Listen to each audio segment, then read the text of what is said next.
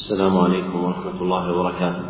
الحمد لله رب العالمين رب السماوات ورب الأرض رب العرش العظيم وأشهد أن لا إله إلا الله وحده لا شريك له وأشهد أن محمدا عبده ورسوله صلى الله عليه وعلى آله وصحبه وسلم تسليما مزيدا. أما بعد فهذا المجلس الثاني من الدرس الخامس من برنامج اليوم الواحد الثامن والكتاب المقروء فيه هو النكت على تقريب التهذيب للعلامة عبد العزيز بن باز رحمه الله وقد انتهى بنا البيان إلى قوله حبيب بن المعلم. نعم. أحسن الله بسم الله الرحمن الرحيم. الحمد لله رب العالمين والصلاة والسلام على أشرف الأنبياء والمرسلين نبينا محمد وعلى آله وصحبه أجمعين. أما بعد اللهم اغفر لنا ولشيخنا والحاضرين والمستمعين وجميع المسلمين. قال الحافظ رحمه الله تعالى عين حبيب بن المعلم أبو محمد البصري مولى معقل بن يسار. اختلف في اسم اسم أبيه فقيل زائدة وقيل زيد صدوق من السادسة مائة سنة ثلاثين. قال سماحة الشيخ صوابه حبيب المعلم بدون لفظ ابن. كما في التهذيب وفي تهذيب التهذيب مات سنة خمس سنة خمس وثلاثين بعد المئة. نقله عن عن ابن حبان ولم ينقل غيره. وذلك هو الصواب. نعم. أحسن ولد قال رحمه الله تعالى الحجاج الحجاج بن فروخ الواصفي ضعفه ابن معين والنسائي كما في الميزان. لا يعني إيش؟ تمييز. تمييز. أحسن الله قال رحمه الله تعالى تاء حجية بوزن علية بن عدي الكندي صدوق يخطئ من الثالثة قال سماحة الشيخ رحمه الله تعالى قد خرج له أبو داود في تعجيل الزكاة فلعل علامته سقطت وأخرج له أيضا الترمذي وابن ماجه والصحيح أن عليه رمز الأربعة وهو قد أخرج حديثه أصحاب السنن أربعة. وتاء هنا بمعنى تمييز. ترمذي. تاء الترمذي تقريب. مقصود بها الترمذي. لكن زيادات الشيخ التي يزيدها مراد بها التمييز. نعم. أحسن الله. قال الحافظ رحمه الله تعالى راء وميم ودال وسين وقال حذير بوزن الذي قبله حديج مصغرا لكن آخره راء الحضرمي أبو الزاهرية الحمصي صدوق من الثالثة مات على رأس المئة قال سماحة الشيخ رحمه الله تعالى مقتضى ما ذكره في تهذيب التهذيب من توثيق الحفاظ لحذير المذكور أن يكون ثقة فوق الصدوق قد يعلم ذلك.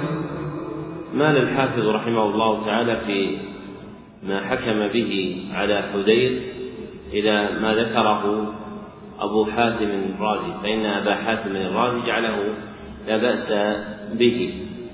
وأبو حاتم الرازي شديد في الحكم على الرجال. وهذا الراوي قد وثقه جماعة من الكفار. وكلام أبي حاتم لا يخالفه لأن أبا حاتم لا يكاد يطلق اسم الثقة إلا على أفراد قليلين. وقد قال في مثل الشافعي ومسلم بن الحجاج صدوق. وهذا يدلك على أنه يتشدد في التوثيق فحدير الحضرمي إلى كونه ثقة أقرب من كونه صدوقا. نعم. أحسن الله قال الحافظ رحمه الله تعالى عين. الحسن بن أبي الحسن البصري واسم أبيه يسار بالتحتانية والمهملة. الأنصاري مولاه ثقة فقيه فاضل مشهور. وكان يرسل كثيرا ويدلس قال البزار كان يروي عن جماعة لم يسمع منهم فيتجوز ويقول حدثنا وخطبنا يعني قومه الذين حدثوا وخطبوا بالبصرة. وهو رأس أهل الطبقة الثالثة مات سنة عشر ومائة وقد قارب وقد قارب التسعين. قال سماحة الشيخ رحمه الله تعالى جزم جماعة من الأئمة بأنه لم يسمع من أبي هريرة ولا من سامرة بن جندب. وروى البخاري في صحيحه رحمه الله تعالى سماعه من سامرة حديث حديث العقيقة.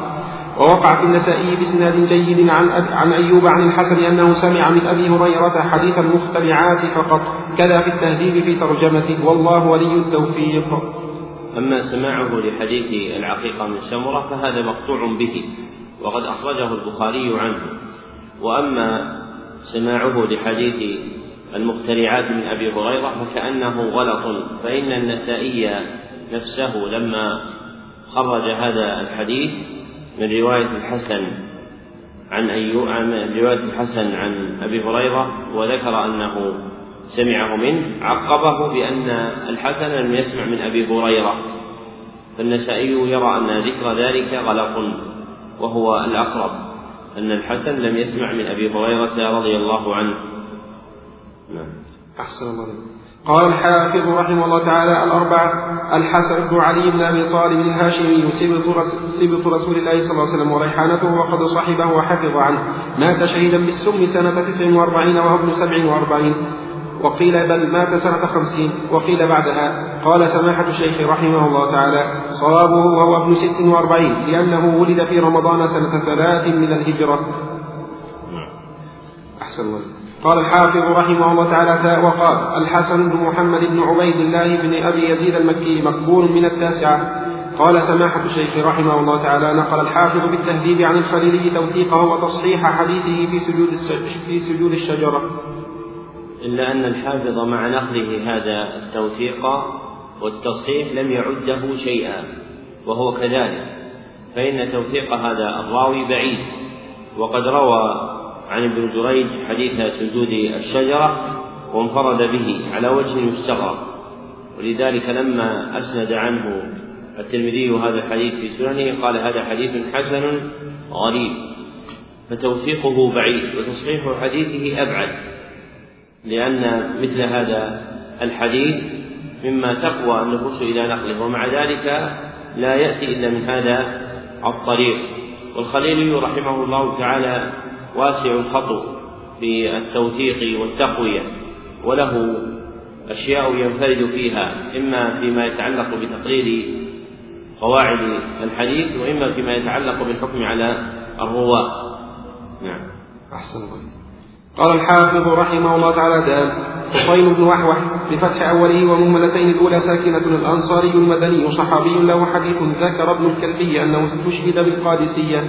قال سماحة الشيخ رحمه الله تعالى وهو لا ينبغي لجيفة مسلم أن تحبس بين ظهري أهله. أخرجه أبو داود وذكره في المنتقى. وهو حديث, وهو حديث ضعيف الإسناد لأن في إسناده عروة بن سعيد الأنصاري ويقال عزرة وهو, أبو وهو وأبوه مجهولان كما في حاشية المنتقى. قوله في هذا الحديث لا ينبغي لجيفة مسلم أي لجنازة مسلم. والجنازة تسمى جيفة لنتنها إذا تأخر دفنها.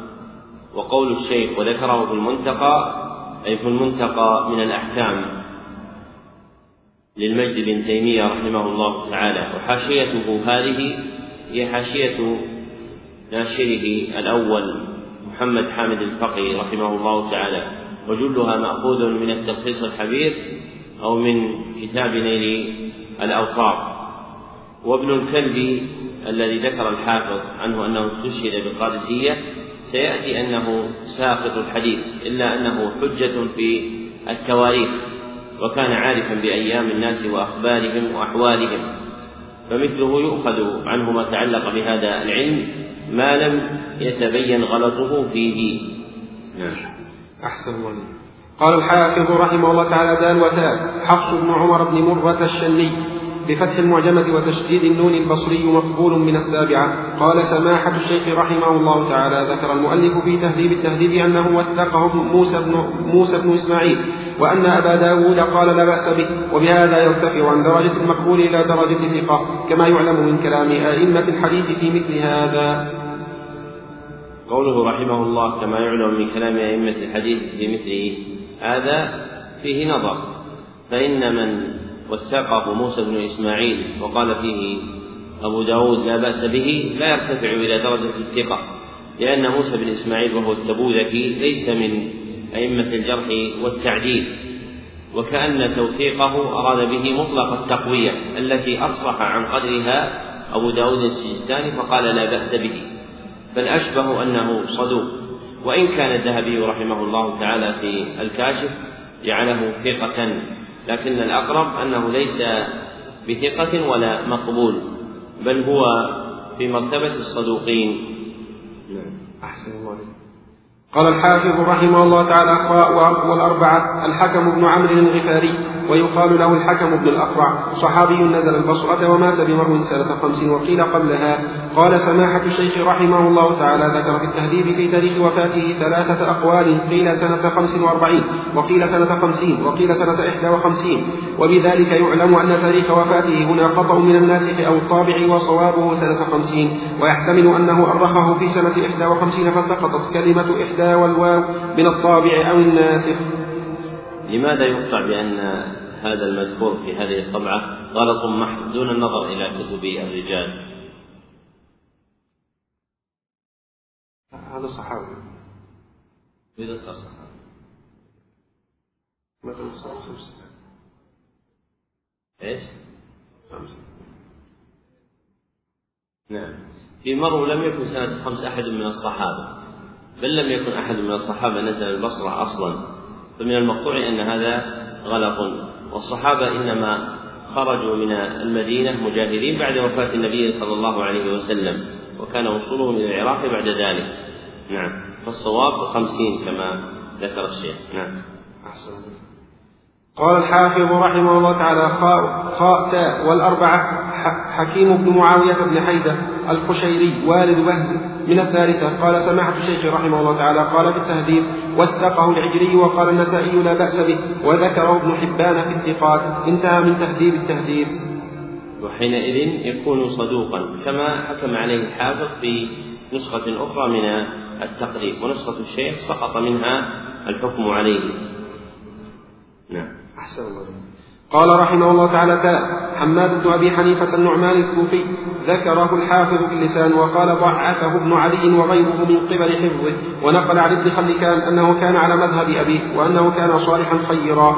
ونقل الحافظ أيضا عن ابن أبي حاتم أنه ذكره فلم يذكر فيه جرحا. انتهى كلام الحافظ ملخصا.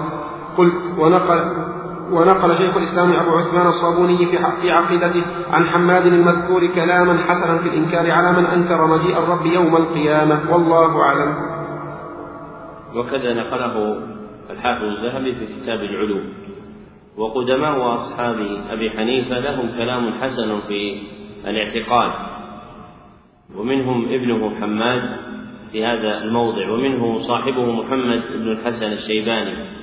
قد نقل عنه الذهبي في العلو كلاما جليلا في الإيمان بالصفات وبالعلو وكذلك أبو يوسف الأنصاري القاضي روى عنه عبد الله بن أحمد في كتاب السنة كلاما حسنا في باب الصفات. نعم. أحسن الله. قال الحافظ رحمه الله تعالى عين حميد بن أبي حميد الطويل أبو عبيدة البصري اختلف في اسم أبيه على نحو عشرة أقوال ثقة مدلس وعابه زائدة لدخوله في شيء من أمر الأمراء من الخامسة مات سنة اثنتين وقيل ويقال ثلاث وأربعين وهو قائم يصلي وله خمس وسبعون. قال سماحة الشيخ رحمه الله تعالى سمى الحافظ ابن كثير أباه التيروي في تفسير قوله تعالى واتخذوا من مقام إبراهيم مصلى. الآية. أحسن قال الحافظ رحمه الله تعالى ميم وتاء وسين وقاف. حنظلة بن الربيع بن صيف. بفتح المهملة بعدها تحتانية ساكنة التميمي يعرف بحنظلة الكافر صحابي نزل الكوفة ومات بعد علي. قال سماحة الشيخ رحمه الله تعالى كنيته أبو ربعي ويقال له الأسيدي الأسيدي بضم الهمزة وفتح السين المهملة وتشديد الياء المكسورة.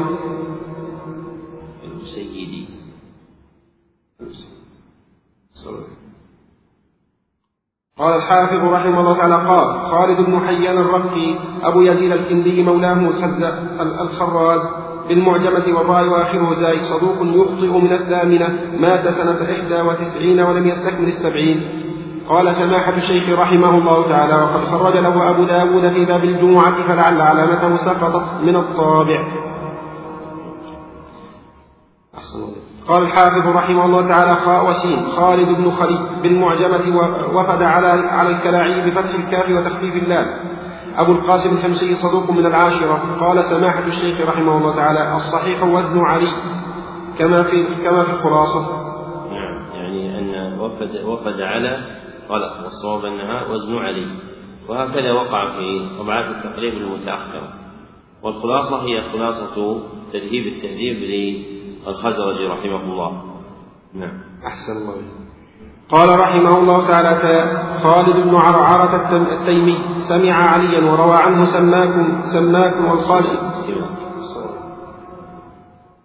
وروى عنه سماك والقاسم بن عوف كما في التاريخ الكبير للبخاري وقد وثقه العجلي وترجمه ابن أبي حاتم في الجرح والتعديل مثل ترجمة البخاري إلا أنه قال السهمي بدل التيمي ونسبه إلى الكوفة وكذا العجلي. نسبه للكوفة وفي كلام البخاري في التاريخ في التاريخ التصريح بسماعه من علي رضي الله تعالى عنه.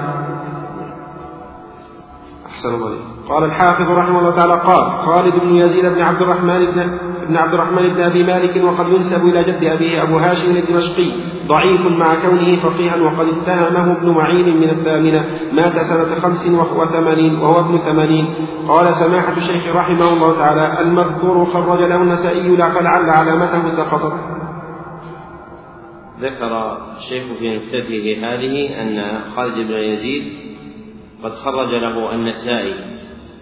فيكون حينئذ مستحقا لرمز السين. ولم يذكر الشيخ محل تخريج النسائي له من سننه. والنسائي لم يخرج لخالد بن يزيد أبو هاشم الدمشقي الذي جده عبد الرحمن وهو هذا الراوي. وإنما خرج لراو آخر اسمه خالد بن يزيد ويكنى بأبي هاشم الدمشقي وليس بهذا. نعم. أحسن الله قال الحافظ رحمه الله تعالى دال وتاء وسين ياء خزيمة مع خزيمة عن عائشة بنت سعد. لا يعرف من السابعة. قال سماحة الشيخ رحمه الله تعالى ذكر الحافظ في تهذيب التهذيب أن ابن حبان ذكره في الثقات. ومجرد ذكر ابن حبان له في الثقات لا يخرجه. عن هذا الوصف. وابن حبان ذكر جماعة في الثقات يقول فيهم لا أعرفه. وربما ذكره وذكر أباه ثم قال لا أعرفه ولا أعرف أبوه. نعم. أحسن الله قال الحافظ رحمه الله تعالى دال وقال خشيش بمعجمات مصغرة ابن ابن أصرم بن الأسود أبو عاصم النسائي ثقة حافظ من الحادية عشرة مات سنة ثلاث وخمسين. قال سماحة الشيخ رحمه الله تعالى المذكور قد خرج له النسائي وهو أحد شيوخه ولعل علامته سقطت غلطا من بعض النساخ أو من الطابع. والأمر كما قال فإنه من شيوخ النسائي المعروفين وله كتاب في السنة. نعم. أحسن الله قال الحافظ رحمه الله تعالى باء خاء وتاء. داود بن علي بن عبد الله بن عباس بن عبد المطلب الهاشمي أبو سليمان أمير مكة وغيرها مقبول من السادسة مات سنة ثلاث وثلاثين وهو ابن اثنتين وخمسين. قال سماحة الشيخ رحمه الله تعالى ذكر في تهذيب التهذيب عن ابن علي أنه لا بأس بروايته وذكر عن ابن حبان أنه ذكره في الثقات وقال يخطئ.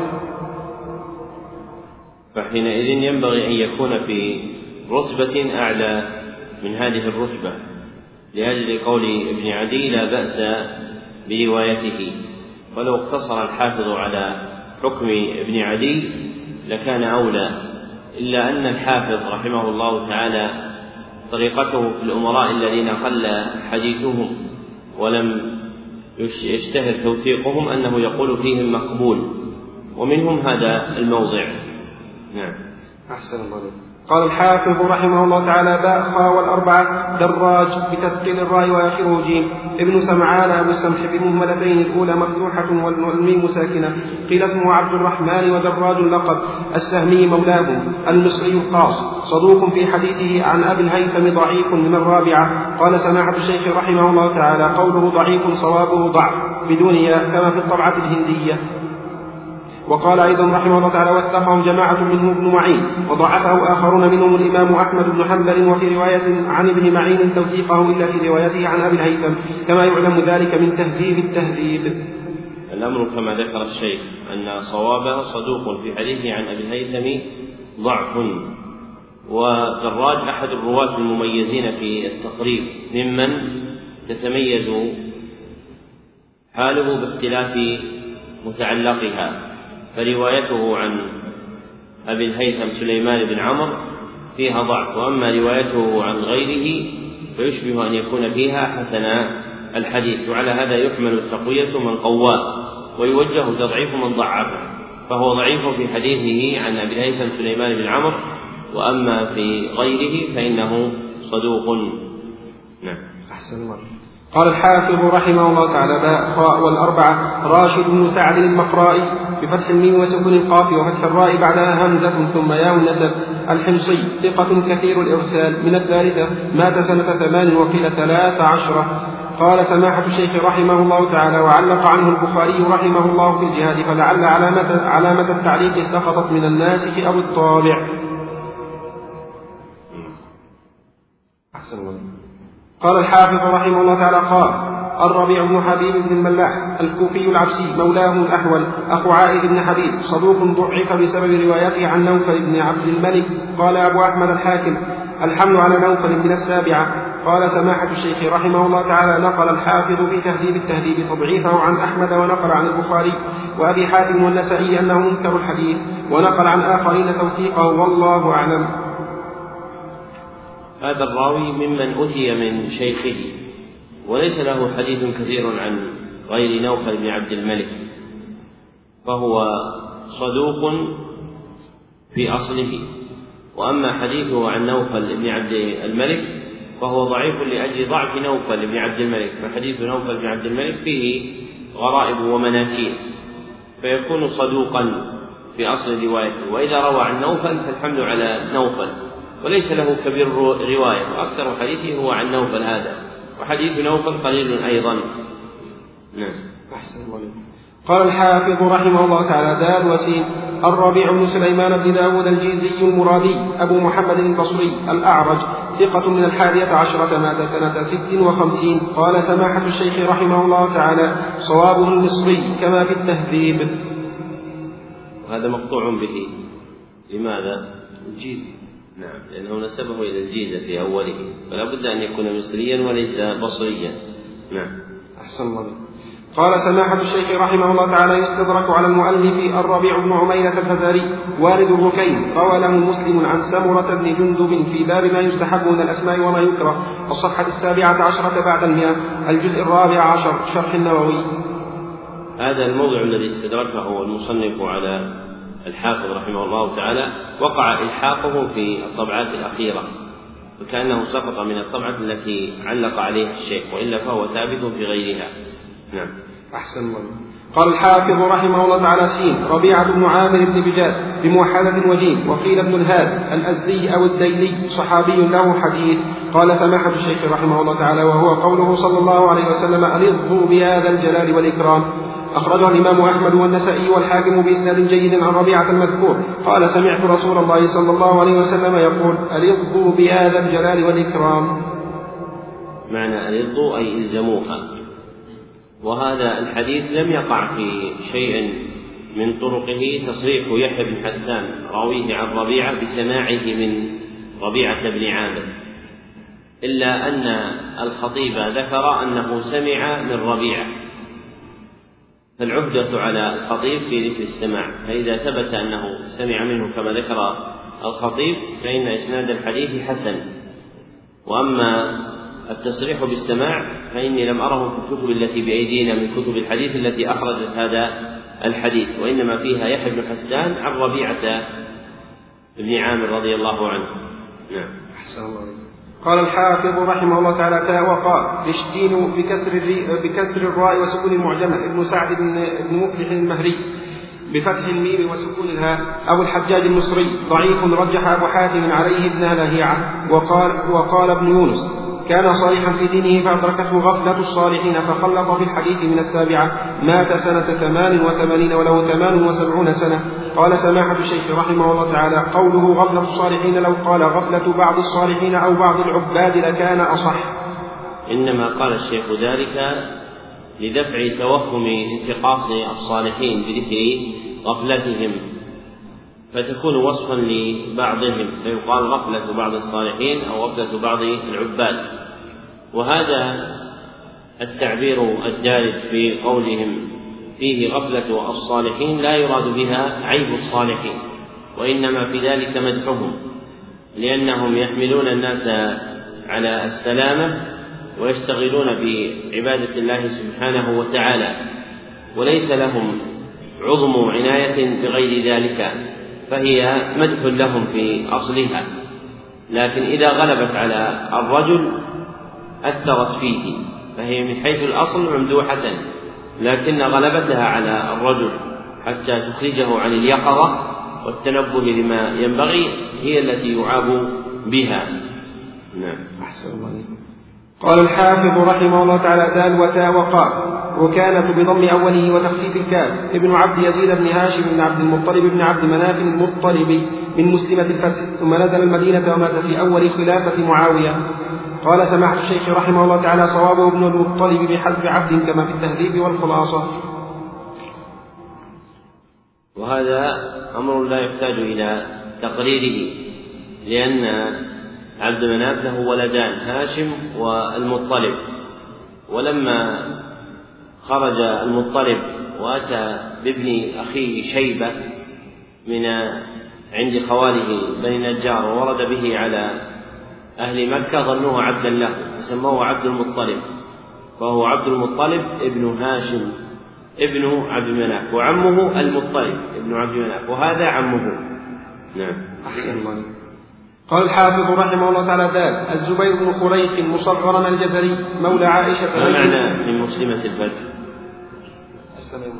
أسلم يوم الفتح نعم. قال الحافظ رحمه الله تعالى دال الزبير بن خريق مصغرا الجزري مولى مولى عائشة لين الحديث من الخامسة. قال سماحة الشيخ رحمه الله تعالى ذكر في تهذيب التهذيب في ترجمته أنه مولى بني قشي وأن أبا داود قال في سننه ليس بالقوي قال وكذا قال الدار قطني وذكر أن ابن حبان ذكره في الثقات. نعم. أحسن قال الحافظ رحمه الله تعالى. بنو قشير من بني تميم. وقع في بعض الكتب بني بني بشير والصواب بنو قشير وهم من تميم. ومنهم الإمام مسلم بن الحجاج وكانت منازلهم في نجد. واليوم ليس لهم منزل في نجد وإنما منازلهم اليوم في جنوب البلاد.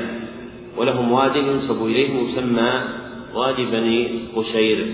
نعم. أحسن الله قال الحافظ رحمه الله تعالى ميم وسين وقاف زياد بن الحصين بن قيس الحنظلي أو الرياحي أبو خزيمة البصري ثقة يرسل من الرابعة. قال سماحة الشيخ رحمه الله تعالى صوابه أبو جهمة بفتح الجيم بعدها ها ثم ميم ثم ها كما في تهذيب التهذيب. ما معنى قوله ثقة يرسل؟ أن يحدث عن من لم يسمع منه. فإن الإرسال أكثر ما يطلق عندهم على هذا المعنى فيريدون أنه حدث عن من لم يسمع منه فإذا قالوا أهل الشام يكثر فيهم الإرسال أي يكثر في حديثهم أن يحدثوا عن من لم يسمعوا منه. فمثل هذا يتفطن لروايته عن شيوخه فلعلها مما رواه ولم يسمعه منه فتكون منقطعة. فالإرسال هو الانقطاع هنا. نعم. أحسن الله. قال الحافظ رحمه الله تعالى قال زياد بن عبد الله بن علاثة بضم المهملة والمثلثة العقيلي بضم المهملة أبو سهيل الحراني ناب في القضاء عن أخيه بها وثقه ابن معين من الثامنة قال سماحة الشيخ رحمه الله تعالى بل أخرج له في السنن في أبواب الصيد في الدعاء على الجراد وحينئذ يكون رمزه إيش؟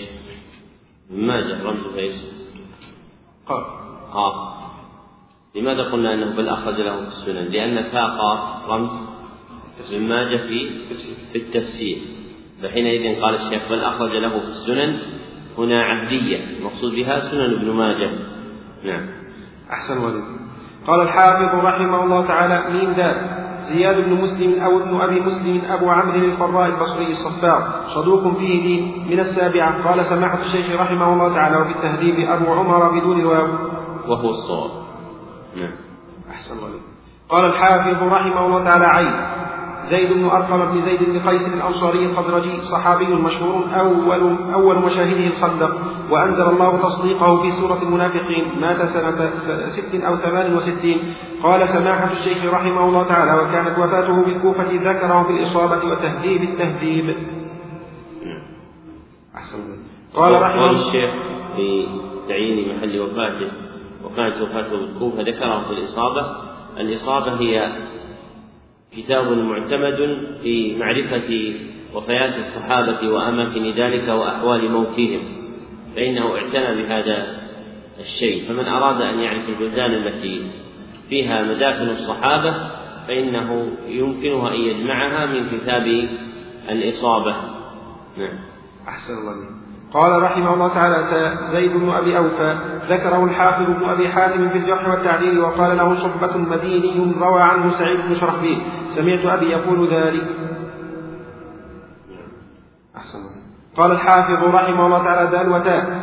زيد والد يسار مولى النبي صلى الله عليه وسلم صحابي له حديث ذكر أبو موسى المديني أن المديني أن أن اسم به بولى بموحدة وكان عبدا نوبيا. قال سماحة الشيخ رحمه الله تعالى وهو مخرج في أبي داود والترمذي من طريق بلال بن يسار بن زيد عن أبيه عن جده عن النبي صلى الله عليه وسلم أنه قال من قال أستغفر الله العظيم الذي لا إله إلا هو الحي القيوم وأتوب إليه غفر له وإن كان خر من الزحف. انتهى وأخرجه الحاكم. وإسناده ضعيف. والمديني من أهل العلم من يجعلها مرادفا للمدني. فيقولون في من نسب إلى المدينة المدني والمديني ومنهم من يجعل المدني لقبا لمن كان من المدينة نفسها والمديني لقبا لمن طرأ عليها ونزل بها. نعم. أحسن. قال الحافظ رحمه الله تعالى عين. السائل بن يزيد بن سعد بن ثمامة الكندي وقيل غير ذلك في نسبه ويعرف بابن أخت النبي. آه، صحابي صغير له أحاديث قليلة وحج به في حجة الوداع وهو ابن سبع سنين وولاه عمر سوق المدينة مات سنة إحدى وتسعين وقيل قبل ذلك وهو آخر من مات بالمدينة من الصحابة. قال سماحة الشيخ رحمه الله تعالى ذكر البخاري في صحيحه في باب خاتم النبوة الصفحة الستين بعد الخمسمائة الجزء السادس من فتح الباري. عن الجعيد بن عبد الرحمن أنه أدرك السائب المذكور جلدا معتدلا وهو ابن أربع وتسعين فعلى هذا يكون السائب المذكور قد عاش إلى عام سبعة وتسعين والله أعلم.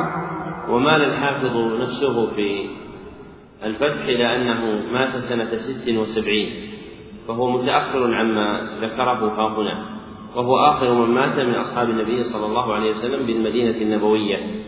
نعم. أحسن الله. قال سماحة الشيخ رحمه الله تعالى انظر ترجمة سحنون المالكي صفحة ثمانية من اللسان أو صفحة بياض من تاريخ ابن كثير. مقصود الشيخ أنها تلحق في هذا الموضع. وسحنون هكذا بالضم وليس سحنون وإنما بضمه لأن العرب ليس في لسانها اسم فعلول وإنما فعلول ولذلك يقال بهلول ولا يقال بهلول.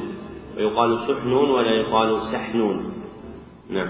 أحسن الله قال الحافظ رحمه الله تعالى باء خاء وميم وميم وميم دال وسين وفاء قاف. سعيد بن العاص بن أمية الأموي قتل أبوه ببدر وكان لسعيد عند موت النبي صلى الله عليه وسلم تسع سنين وذكر في الصحابة وولي إمرة الكوفة لعثمان وإمرة المدينة لمعاوية مات سنة ثمان وخمسين وقيل غير ذلك. قال سماحة الشيخ رحمه الله تعالى صوابه سعيد بن العاص بن سعيد بن العاص بن أمية.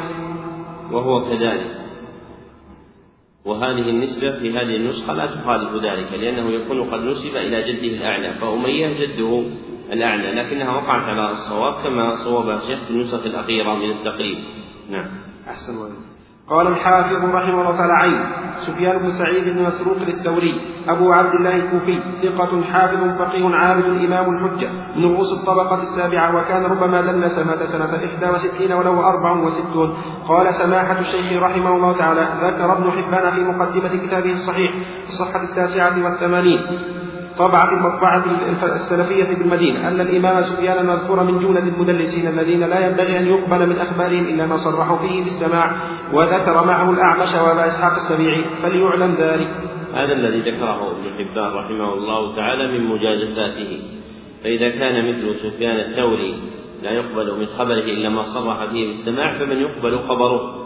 لذلك فإن الحافظ ابن حجر لم يجعله في المرتبة الثالثة. في تعريف أهل التقديس وهي التي لا يقبل المحدثون حديثهم إلا بالتصريح بالسماع وإنما جعله في المرتبة الثانية وهي التي احتمل الناس حديثهم وهو كذلك فإن سفيان ممن احتمل الناس حديثه وقبلوه سواء صرح بالسماع أم لم يصرح بالسماع ومثله كذلك الأعمش وأبو إسحاق السبيعي فإنهما من هذا الجنس.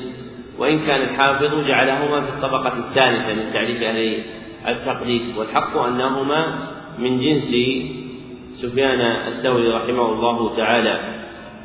وإن كان يوجد في حديثهما التدليس أكثر مما يوجد في حديث سفيان فلعل سفيان لم يدلس إلا شيئا يسيرا وهما أكثر منه تدريسا ومع ذلك احتمل الأئمة حديثهم وخرجوه في الصحاح فالمصنفون في الصحاح كالبخاري ومسلم وابن خزيمة وابن حبان وأبو عوانة وابن الجارود والحاكم كتبهم مليئة بحديث سفيان الثوري والأعمش وأبو إسحاق السبيعي رحمهم الله تعالى. نعم. أحسن الله قال الحافظ رحمه الله تعالى ميم ودال وسين.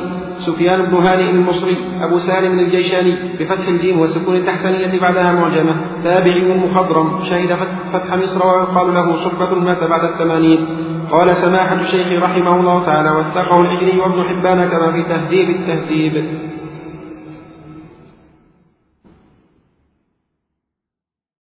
والحافظ رحمه الله تعالى في التابعين المخضرمين ربما لم يذكر حالهم اعتمادا على أن المخضرمين ممن هم في درجة الثقات ولا يكاد يعرف فيهم من هو ضعيف أو كذاب أو متهم بالكذب. فلذلك ربما لم يصرح في جملة من من كان على هذا النعت أنه ثقة اكتفاء بكونه مخضرما. فالمخضرمون قريبون من الصحابة ولذلك أدخلهم ابن عبد البر في كتاب الاستيعاب في الصحابة. نعم. أحسن الله قال الحافظ رحمه الله تعالى باء خاء وتاء وقال سلمة بن عبد الله ويقال ابن عبيد الله بن محصن الأنصاري الخطمي المدني مجهول من الرابعة. قال سماحة الشيخ رحمه الله تعالى ذكر المؤلف في تهذيب التهذيب عن التهذيب أنه وثقه ابن حبان. وتوثيق ابن حبان لا يخرجه عن الجهالة لما عرف أن ابن حبان لا سيما في مثل هذه الطبقات فيه تساهل. نعم. أحسن الله قال الحافظ رحمه الله تعالى سين سليمان بن الأشعث بن إسحاق بن بشير بن شداد الأزدي السجستاني أبو داود ثقة حافظ مصنف السنن وغيرها من كبار العلماء من الحادية عشرة مات سنة خمس وسبعين. قال سماحة الشيخ رحمه الله تعالى قد روى له الترمذي كما في الخلاصة ولعل علامته سقطت هنا وقد أثبتها المؤلف في التهذيب ومثبتة في نسخة التقريب الطبعة المصرية. أحسن الله قال الحافظ رحمه الله تعالى دال وتاء وقال سليمان بن بريدة بن الحصيب الأسلمي المروزي قاضيها ثقة من الثالثة مات سنة خمس, خمس ومائة وله تسعون سنة. قال سماحة الشيخ رحمه الله تعالى سقطت هنا علامة مسلم والصواب إثباتها لأنه قد خرج له في صحيحه كما في تهذيب التهذيب. أحسن قال الحافظ رحمه الله تعالى مين؟ سليمان بن داود بن رشيد البغدادي الأحول أو أبو الربيع القتلي. بضم بضم المعجمة وتشديد المثنى من الحادية عشرة مات سنة إحدى وثلاثين. قال سماحة الشيخ رحمه الله تعالى لم يحكم عليه المؤلفون بتوثيق ولا تضعيف. ونقل في تهذيب التهذيب عن الخطيب البغدادي وابن قانع وصالح بن محمد الأسدي توثيقه وذكر عن شاهين بن السميع السميدع أنه روى السميدع السميدع أحسن الله وذكر عن شيخ السميدة أنه روى عن أحمد إحسان الثناء عليه ولم ينقل عن أحد خلاف ذلك وذكر أن مسلما روى عنه والله ولي التوفيق. هذا الراوي أحد الرواة الذين ترك الحافظ ترجمتهم غفلا من الحكم عليهم وليس في عبارته ما يدل على ذلك بخلاف ما قال فيه تابعي مخضرم فإنها تشعر بالحكم عليه وأما ها هنا فإنه لم يحكم عليه. وهذا الراوي بحسب ما جاء في ترجمته من توثيق الخطيب بن قانع وصالح بن محمد محمد الأسدي وثناء أحمد عليه هو ثقة.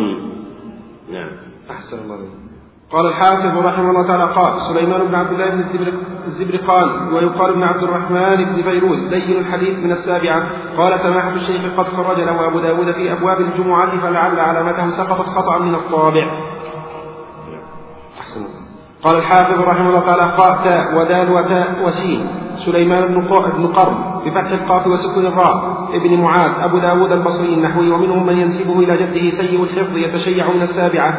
قال سماحة الشيخ رحمه الله تعالى نقل في تهذيب التهذيب توثيقه عن أحمد من رواية ابنه عبد الله ومحمد بن عوف الطائي. ونقل عن ابن علي أن له أحاديث حسانا ونقل تضعيفه عن جماعة ورميه ورميه بالتشيع. وهو وهو راوي حديث لا لا لا يسأل بوجه الله إلا الجنة. انتهى.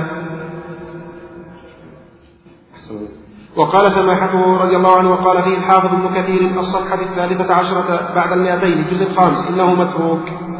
وهو ضعيف الحديث فليس من المتروكين وليس من الثقات. وهذا هو أوسط الأقوال في حاله. وحديثه هذا الذي رواه عنه أبو داود حديث ضعيف وقد حسنه بعضهم. وفي الباب ما يغني عنه وهو ما رواه الطبراني في الكبير بسند حسن من حديث أبي موسى الأشعري أن النبي صلى الله عليه وسلم قال ملعون من سأل بوجه الله. نعم. أحسن الله. قال الحافظ رحمه الله تعالى عين سليمان بن أبي مسلم المكي الأحول خالد بن أبي نجيح خالد بن نجيح قيل اسم أبيه قيل اسم أبيه عبد الله ثقة قاله أحمد بن الخامسة قال سمعت الشيخ صوابه بن أبي نجيح نعم. أحسن الله. قال الحافظ رحمه الله تعالى عين سليمان بن المغيرة القيسي مولاه البصري أبو سعيد ثقة ثقة قاله يحيى بن معين من السابعة أخرج له البخاري مقرونا وتعليقا مات سنة خمس وستين. قال سماحة الشيخ رحمه الله تعالى وقد أسند عنه البخاري في أبواب سترة المصلي فتنبه والله أعلم. ما ذكره الحافظ من أن البخاري أخرج له مقرونا فيه نظر بل إن البخاري أخرج له متابعة. والفرق بين القرن والمتابعة أن المقرون يأتي ملتصقا بغيره في الرواية. فيأتي مثلا يقول حدثنا الليث حدثنا عبد الله بن وهب عن ابن لهيعة وحيوة. فحينئذ يقال إنهما مقرونان. والبخاري خرج بهذا السند وقال حيوة ورجل آخر. رجل آخر هو ابن لهيعة فمثل هذا يقال فيه مقرون.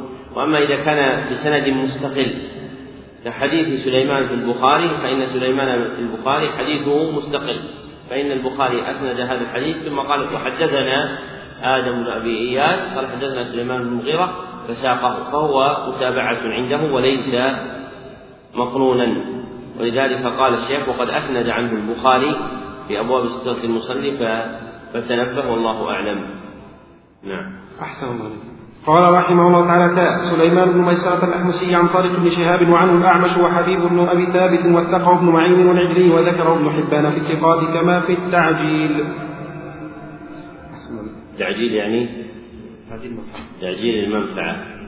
واختصار أسماء المصنفات جائز بشرطين. ما هما؟ تعجيل يعني تعجيل المنفعة هذا اختصار. طيب اختصار أسماء المصنفات يجوز بشرطين ها إيش؟ سن.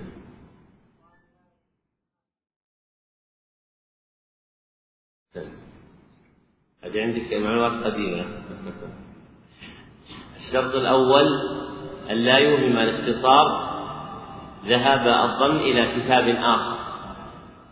كمن يختصر زاد المعاد فيقول وفي الزاد. فإن قول وفي الزاد يذهب الوهم إلى إرادة كتاب زاد المستقنع. حينئذ يمنع منه. والثاني أن لا يكون في الاختصار حملا على معنى يستقبح. كقول بعضهم قال الزيلعي في النصب. فإن هذا لا يليق اختصاره لأن النصب فيه معنى قب فيه معنى قبيح. فيقول قال الزيلعي في نصب الراية. نعم. أحسن الله قال الحافظ رحمه الله تعالى سين. سليمان الهاشمي مجهول من الثالثة. قال سماحة الشيخ رحمه الله تعالى قال في تهذيب التهذيب وثقه ابن حبان وصحح حديثه ابن حبان والحاكم. ومقصود الشيخ بهذه النكتة أنه لا يكون مجهولا لأنه وثقه ابن حبان وصحح حديثه ابن حبان والحاكم وتقدم النقل عن الذهبي أن من صحح حديثه مثل ابن خزيمة وابن حبان والحاكم ولم يوجد به جرح فإنه يدخل في جملة من لا بأس بحديثه من الصدوقين.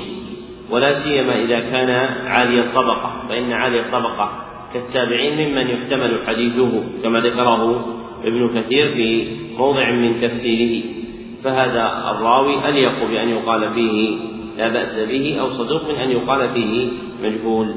نعم. أحسن الله قال رحمه الله تعالى سهل بن عبد الله بن يونس شيخ العارفين أبو محمد التستري الصوفي الزاهد ذكره الذهبي في سير النبلاء الصفحة الثلاثين, الثلاثين بعد الثلاثمائة الجزء الثالث عشر. بهذا اللفظ وأطال في ترجمته بعد الطول وقال له كلمات نافعة ومواعظ حسنة وقدم راسخ في الطريق وقال أصولنا التمسك بالقرآن والاقتداء بالسنة وأكل الحلال وكف الأذى واجتناب الآثام وفاته في المحرم في عام ثلاثة وثمانين ومائتين رحمه الله تعالى. قال رحمه الله تعالى تاء سويد بن سرحان عن المغيرة بن شعبة وعن وياد بن لقيط وعبد الملك بن عمير وغيرهما وثقه ابن حبان انتهى. وروى حديثه عن المغيرة بن شعبة الإمام أحمد في ترك الوضوء مما مسته النار. قال الحافظ رحمه الله تعالى رحمه الله تعالى تمييز شاذ بن يحيى الخرساني مجهول من العاشرة. شاذ بن يحيى. أحسن الله شاذ بن يحيى الخرساني السلف الحمد لله ما فيهم شاذ. شاذ. فهو شاذ بن يحيى. قال الحافظ رحمه الله رحمه الله تعالى تمييز شاذ بن يحيى الخرساني مجهول من العاشرة قال سماحة الشيخ رحمه الله تعالى قوله مجهول فيه نظر فقد ذكره المزي في التهذيب وذكر أنه روى عن وكيع وزيد بن هارون وروى عن عنه جماعة سماه وذكر أن أحمد أثنى عليه خيرا وأن أبا داود روى عنه في المسائل وذكره في الخلاصة ورمز له بعلامة أبي داود في المسائل وذكر أن أحمد أثنى عليه وبهذا يعلم وهم الحافظ هنا وأن وأن شاذ المذكور معروف لا مجهول والله ولي التوفيق. حينئذ على طريقة الحافظ بن حجر في تقريبه ينبغي أن يقول فيه مقبول ولا يقول فيه مجهول. وإن كان شاذ بن يحيى فوق ذلك. ولذلك قال الذهبي فيه شيخ صدوق وهو الأشبه في مثل من كانت هذه حاله. نعم. أحسن الله قال الحافظ رحمه الله تعالى باء خاء وميم ودال وتاء وسين. شرحبيل بن بن شريك المعافري أبو محمد المصري. شرحبيل بن شريك المعافري أبو محمد المصري ويقال شرحبيل بن عمرو بن شريك صدوق من السادسة. قال سماحة الشيخ رحمه الله تعالى ذكر في تهذيب التهذيب توثيقه عن عن أبي حاتم والنسائي وابن حبان وتضعيفه عن أبي الفتح الأزدي. وبذلك يعلم أن درجته فوق مرتبة الصدوق. وأما تضعيف أبي الفتح الأزدي فلا يعول عليه عند أهل الشام بهذا كما نبه على ذلك الحافظ ابن حجر وغيره. نعم. أحسن الله قال الحافظ رحمه الله تعالى قال شرحبيل بن عبد الله بن المطاع الكندي حليف بني زهرة وهو ابن حسنة وهو وهي أمه أو التي ربيبة. صحابي جليل كان أميرا في فتح الشام ومات بها سنة ثمانية عشرة. قال سماحة الشيخ رحمه الله تعالى الصحيح ربته. أحسن قال الحافظ رحمه الله تعالى عين شعبة بن الحجاج بن الورد العتكي مولاه أبو بسطام الواسطي ثم البصري ثقة حافظ متقن كان الثوري يقول هو أمير المؤمنين في الحديث وهو أول من فتش في العراق عن الرجال وذب عن السنة وكان عابدا من السابعة مات سنة ستين. قال سماحة الشيخ رحمه الله تعالى ذكر المؤلف في تهذيب التهذيب عن الحاكم أن شعبة رأى أنس بن مالك وعمر بن سلمة وعمر بن سلمة الصحابيين سنة مئة فعلى هذا إن صح يكون شعبة من الخامسة وهم صغار التابعين والله ولي التوفيق. تقدم أن هذا شيء انفرد به الحاكم ولم يذكره غيره. وشعبة ليس من التابعين وإنما من أتباع التابعين وهو من السادسة أو من السابعة كما ذكره الحافظ رحمه الله تعالى هنا. ما معنى قوله هو أمير المؤمنين في الحديث؟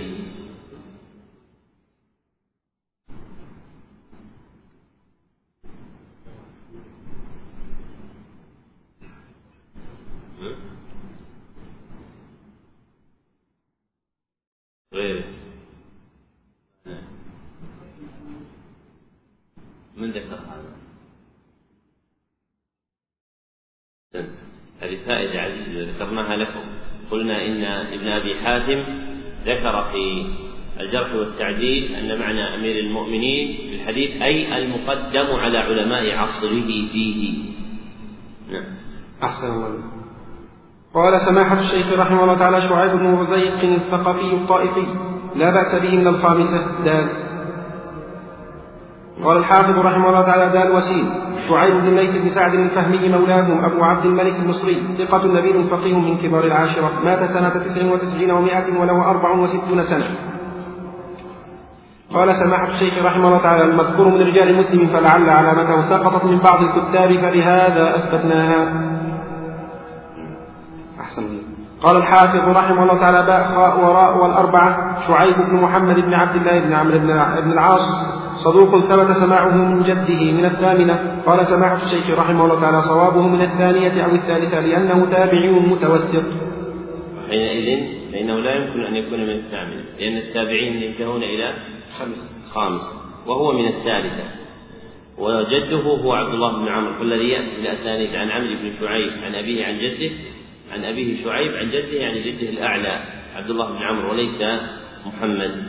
نعم. أحسن الله قال الحافظ رحمه الله تعالى ذا شهاب بن فراش بن حوشب الشيباني أبو الصلت الواسطي ابن أخي العوام بن حوشب نزل الكوفة له ذكر في مقدمة مسلم صدوق يخطئ من السابعة قال سماحة الشيخ رحمه الله تعالى أعتمد المؤلف في هذا قول ابن حبان وقد نقل في تهذيب التهذيب توثيقه عن جماعة كثيرة من أئمة الحديث ولم يصفوه بالخطأ ولم يصفه بالخطأ. ولم يصفه بالخطأ سوى ابن حبان فالأظهر أن لا يعتمد على قوله في ذلك لكونه قد خالفه في شأنه من هو أعلم منه بشهاب المذكور وابن حبان رحمه الله تعالى كان لسانه في الجرح رهقا كما ذكره ابن حجر في هدي الساري وذكر أن الذهبي في ميزان الاعتدال أنه يسرف في الجرح ولذلك قال في هذا الراوي قال يخطئ كثيرا حتى خرج عن حد الاحتجاج به. وغيره من أئمة الجرح يوثقونه. وقول الحافظ بن حجر له ذكر في مقدمة مسلم من المتقرر عند أهل العلم كما بينه ابن القيم في كتاب الفروسية أن مقدمة مسلم ليس لها حكم صحيحه فليست على شرطه ولا يحكم لرجالها بما يحكم لرجال مسلم في صحيحه. نعم. أحسن الله قال رحمه الله تعالى صالح بن أحمد بن محمد بن حنبل الشيباني البغدادي قاضي اصفهان سمع من أبيه وجماعة وثقه ابن أبي حاتم وتوفي سنة ست وستين وقيل خمس وستين ومائتين وكان مولده سنة ثلاث ومائتين وهو أكبر أولاد الإمام أحمد رحمه الله تعالى. انتهى ملخصا من سير إعلام النبلاء. الجزء الثاني عشر الصفحة التاسعة والعشرين بعد الخمسمائة والثلاثين بعد الخمسمائة للحافظ الذهبي رحمه الله تعالى. قال الحافظ رحمه الله تعالى عين. صالح بن أبي مريم الضبعي مولاه أبو الخليل البصري وثقة ابن معين والنسائي وأغرب ابن عبد, ابن, ابن عبد الله بن عبد البر فقال لا يحتج به من السادسة. قال سماحة الشيخ رحمه الله تعالى زاد في تهذيب التهذيب توثيق أبي داود وابن حبان. وبذلك يعلم أنه لا يلتفت إلى جرح ابن عبد البر لصالح المذكور لأنه جرح مجمل فلا يلتفت إليه مع توثيق غيره له من الأئمة المذكورين. ومن قواعد الجرح أن الجرح الذي لا يبين سببه في مقابل التعديل مردود فإذا جاء الجرح مجملا مقابلا لتوثيق غيره فإنه لا يقبل من الجارح. وهذا الراوي قد وثقه ابن معين والنسائي. وتفرد ابن عبد البر وهو يوسف بن عبد الله بن عبد البر أبو عمر النمري صاحب التمهيد والاستيعاب وغيرها فقال لا يحتج به. وعلماء المغرب كابن عبد البر وابن حزم يتفردون في بعض الرواة بكلام يخالفون فيه غيره. وكأنه والله أعلم لخفاء أحوالهم عليه فإن أكثر الرواة كانوا بالمشرق فيغيب عليهم معرفة حالهم فيتكلمون بمثل هذا الجرح ويحكمون عليه بالجهالة فيتوقع هذا منهم. نعم. أحسن الله عليك قال الحافظ رحمه الله تعالى تاء الصباح بن محمد بن أبي حازم البجلي الأحمسي الكوفي ضعيف الأحمسي الأحمسي الكوفي ضعيف أفرط فيه ابن حبان من السابعة. قال سماحة الشيخ رحمه الله تعالى انفرد بالرواية عنه أبان بن إسحاق, بن إسحاق النحوي كما في التهذيب وتهذيبه. والجرح والتعديل ابن أبي حاتم والميزان ولم يوثقه أحد في هذه الكتب. وذكر الذهبي في الميزان أنه رفع حديثين من قول ابن مسعود. ما معنى قول الحافظ أفرط فيه ابن حبان؟ أي بالغ في جرحه. أي بالغ في جرحه. نعم. أحسن الله قال الحافظ رحمه الله تعالى الأربعة الضحاك بن مزاحم الهلالي أبو القاسم أو أبو محمد الخرساني صدوق كثير الإرسال من الخامسة. مات بعد المئة. قال سماحة الشيخ رحمه الله تعالى ذكر في التهذيب روايته عن ستة من الصحابة رضي الله عنهم وهم. ابن عمر وابن عباس وأبو هريرة وأبو سعيد وزيد بن أرقم وأنس ونقل عن أبي زرعة وابن معين أنه ثقة وقال أحمد ثقة مأمون ونقل الحافظ بتهذيب التهذيب توثيقه أيضا عن العجلي والدار قطني ونقل المزي والحافظ أيضا عن جماعة عدم سماعه من أحد من الصحابة والله أعلم.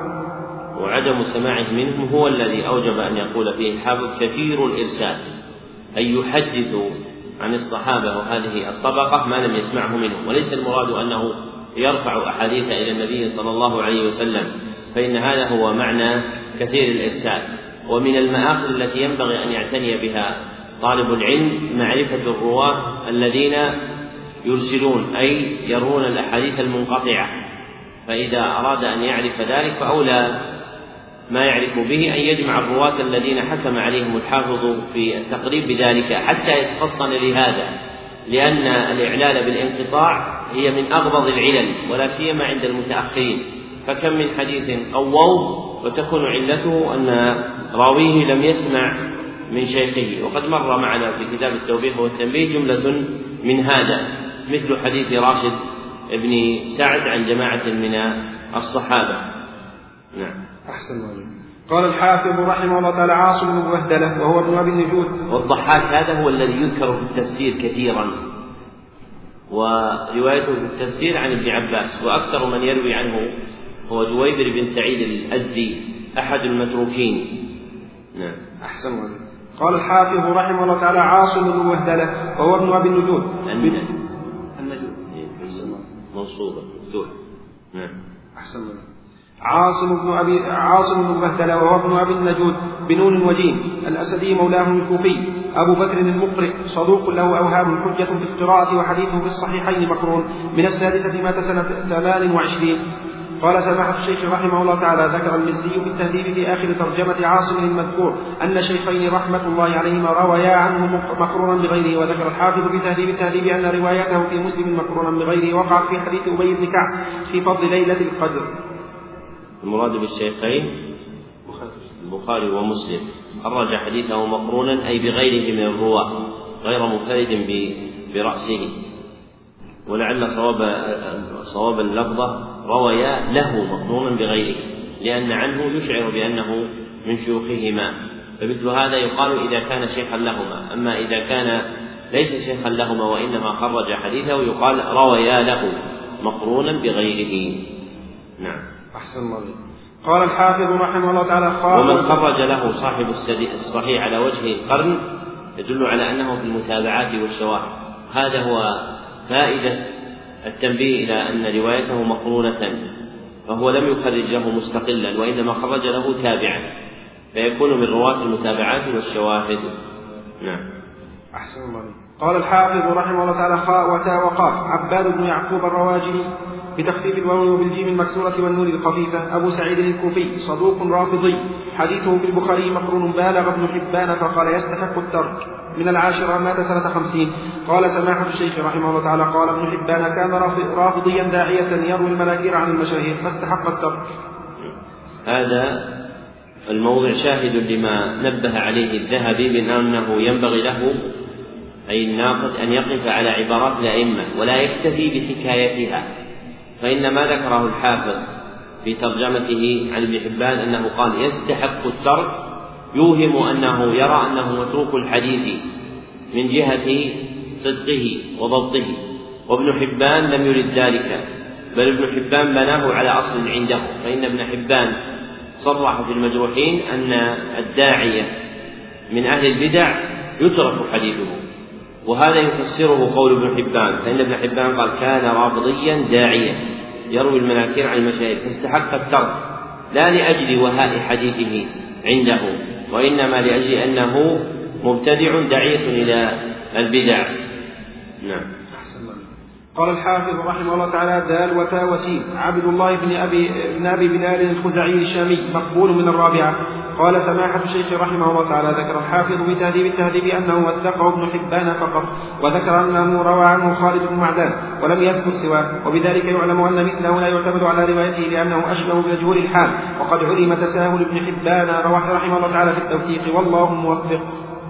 وهذا من جنس ما سبق أن ذكرته لكم أن الحافظ ابن حجر استجد له بعد التهذيب. أمور حكم بها على الرواة في التقريب كما مر معنا في راو لم يذكر له رواية عن الصحابة في التهذيب ثم حكم بالتقريب أنه من الخامسة لأن ابن حبان ذكر في ترجمته أنه غزا مع بعض الصحابة.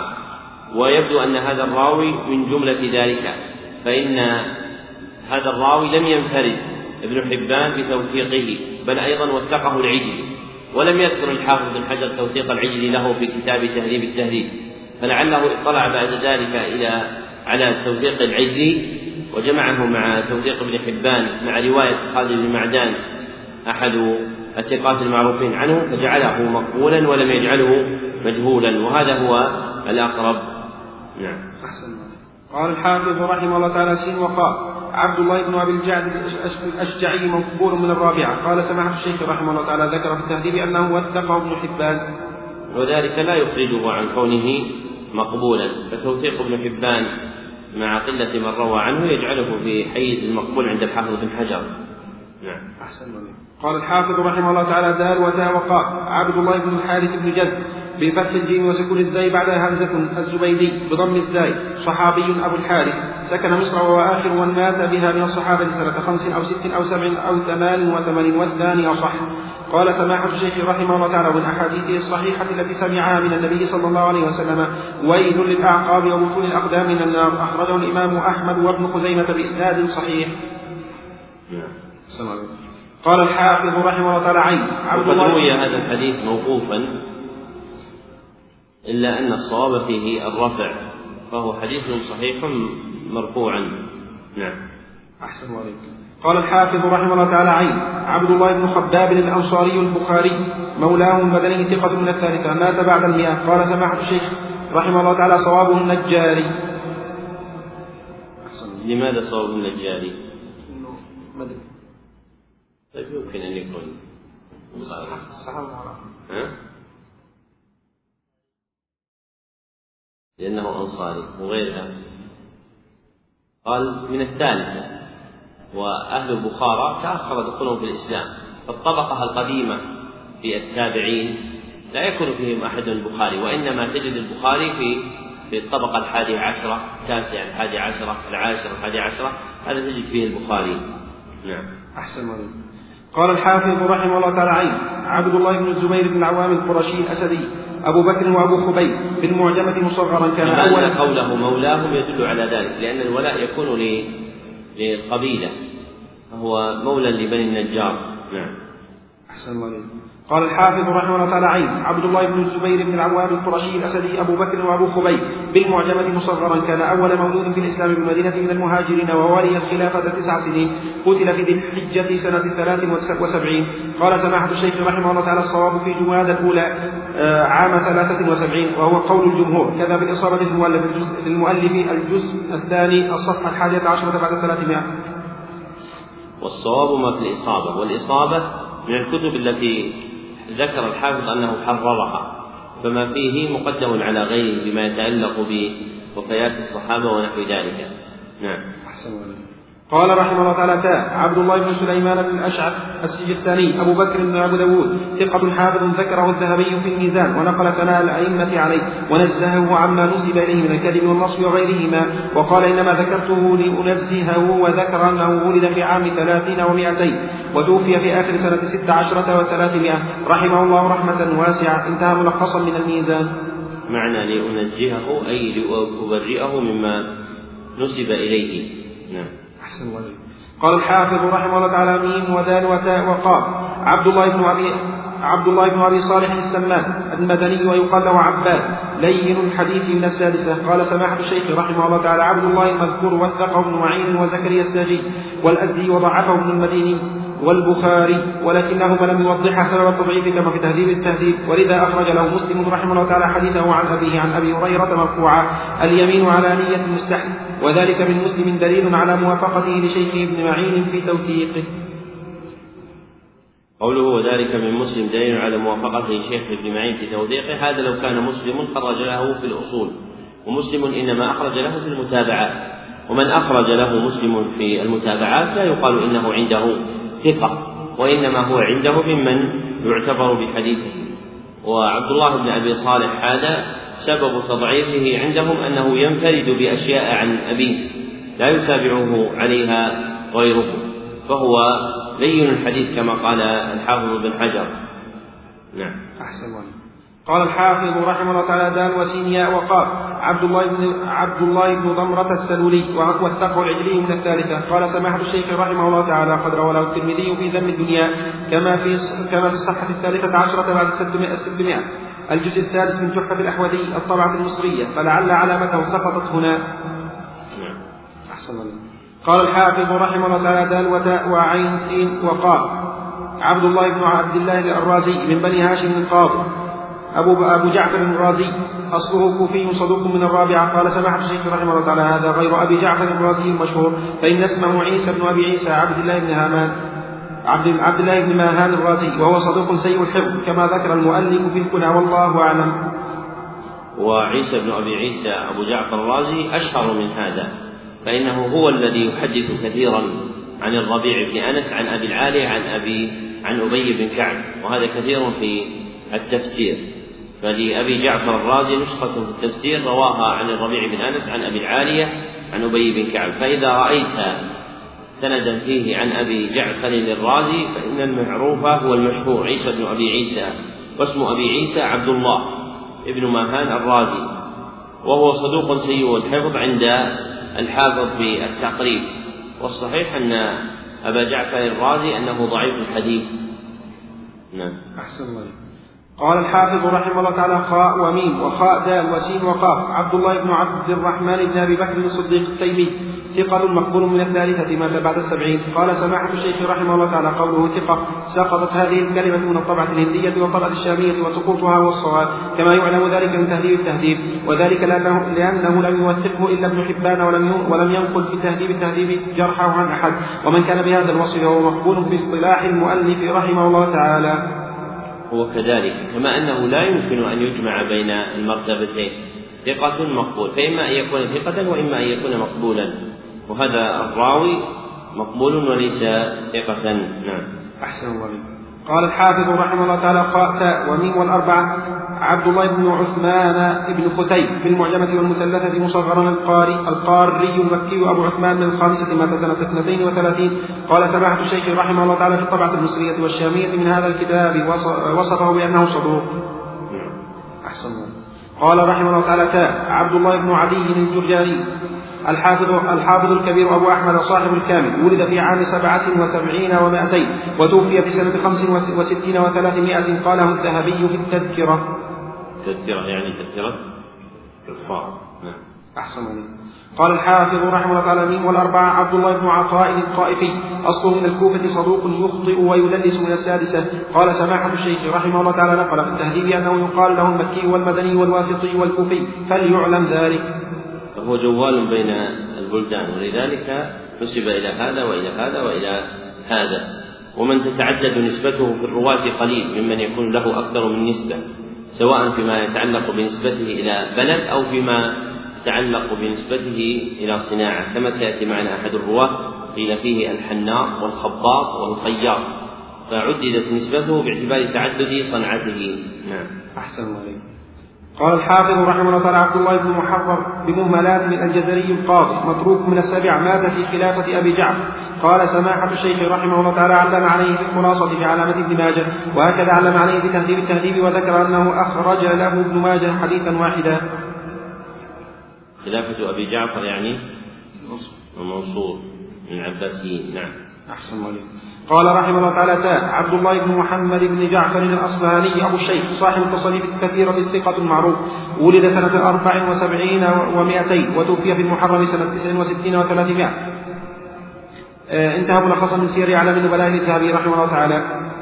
وهو صاحب كتاب توبيخ والتنبيه. نعم. وصاحب كتاب أيضا كتاب مشهور اسمه العظمة في الاعتقاد كتاب نافع جدا. نعم. أحسن الله قال الحافظ رحمه الله تعالى داء خاء ودال وتاء وقاف عبد الله بن محمد بن عقيل بن أبي طالب بن عقيل بن أبي طالب الهاشمي أبو محمد المدني أمه زينب بنت علي. صدوق في حديثه لين ويقال تغير بأخرة.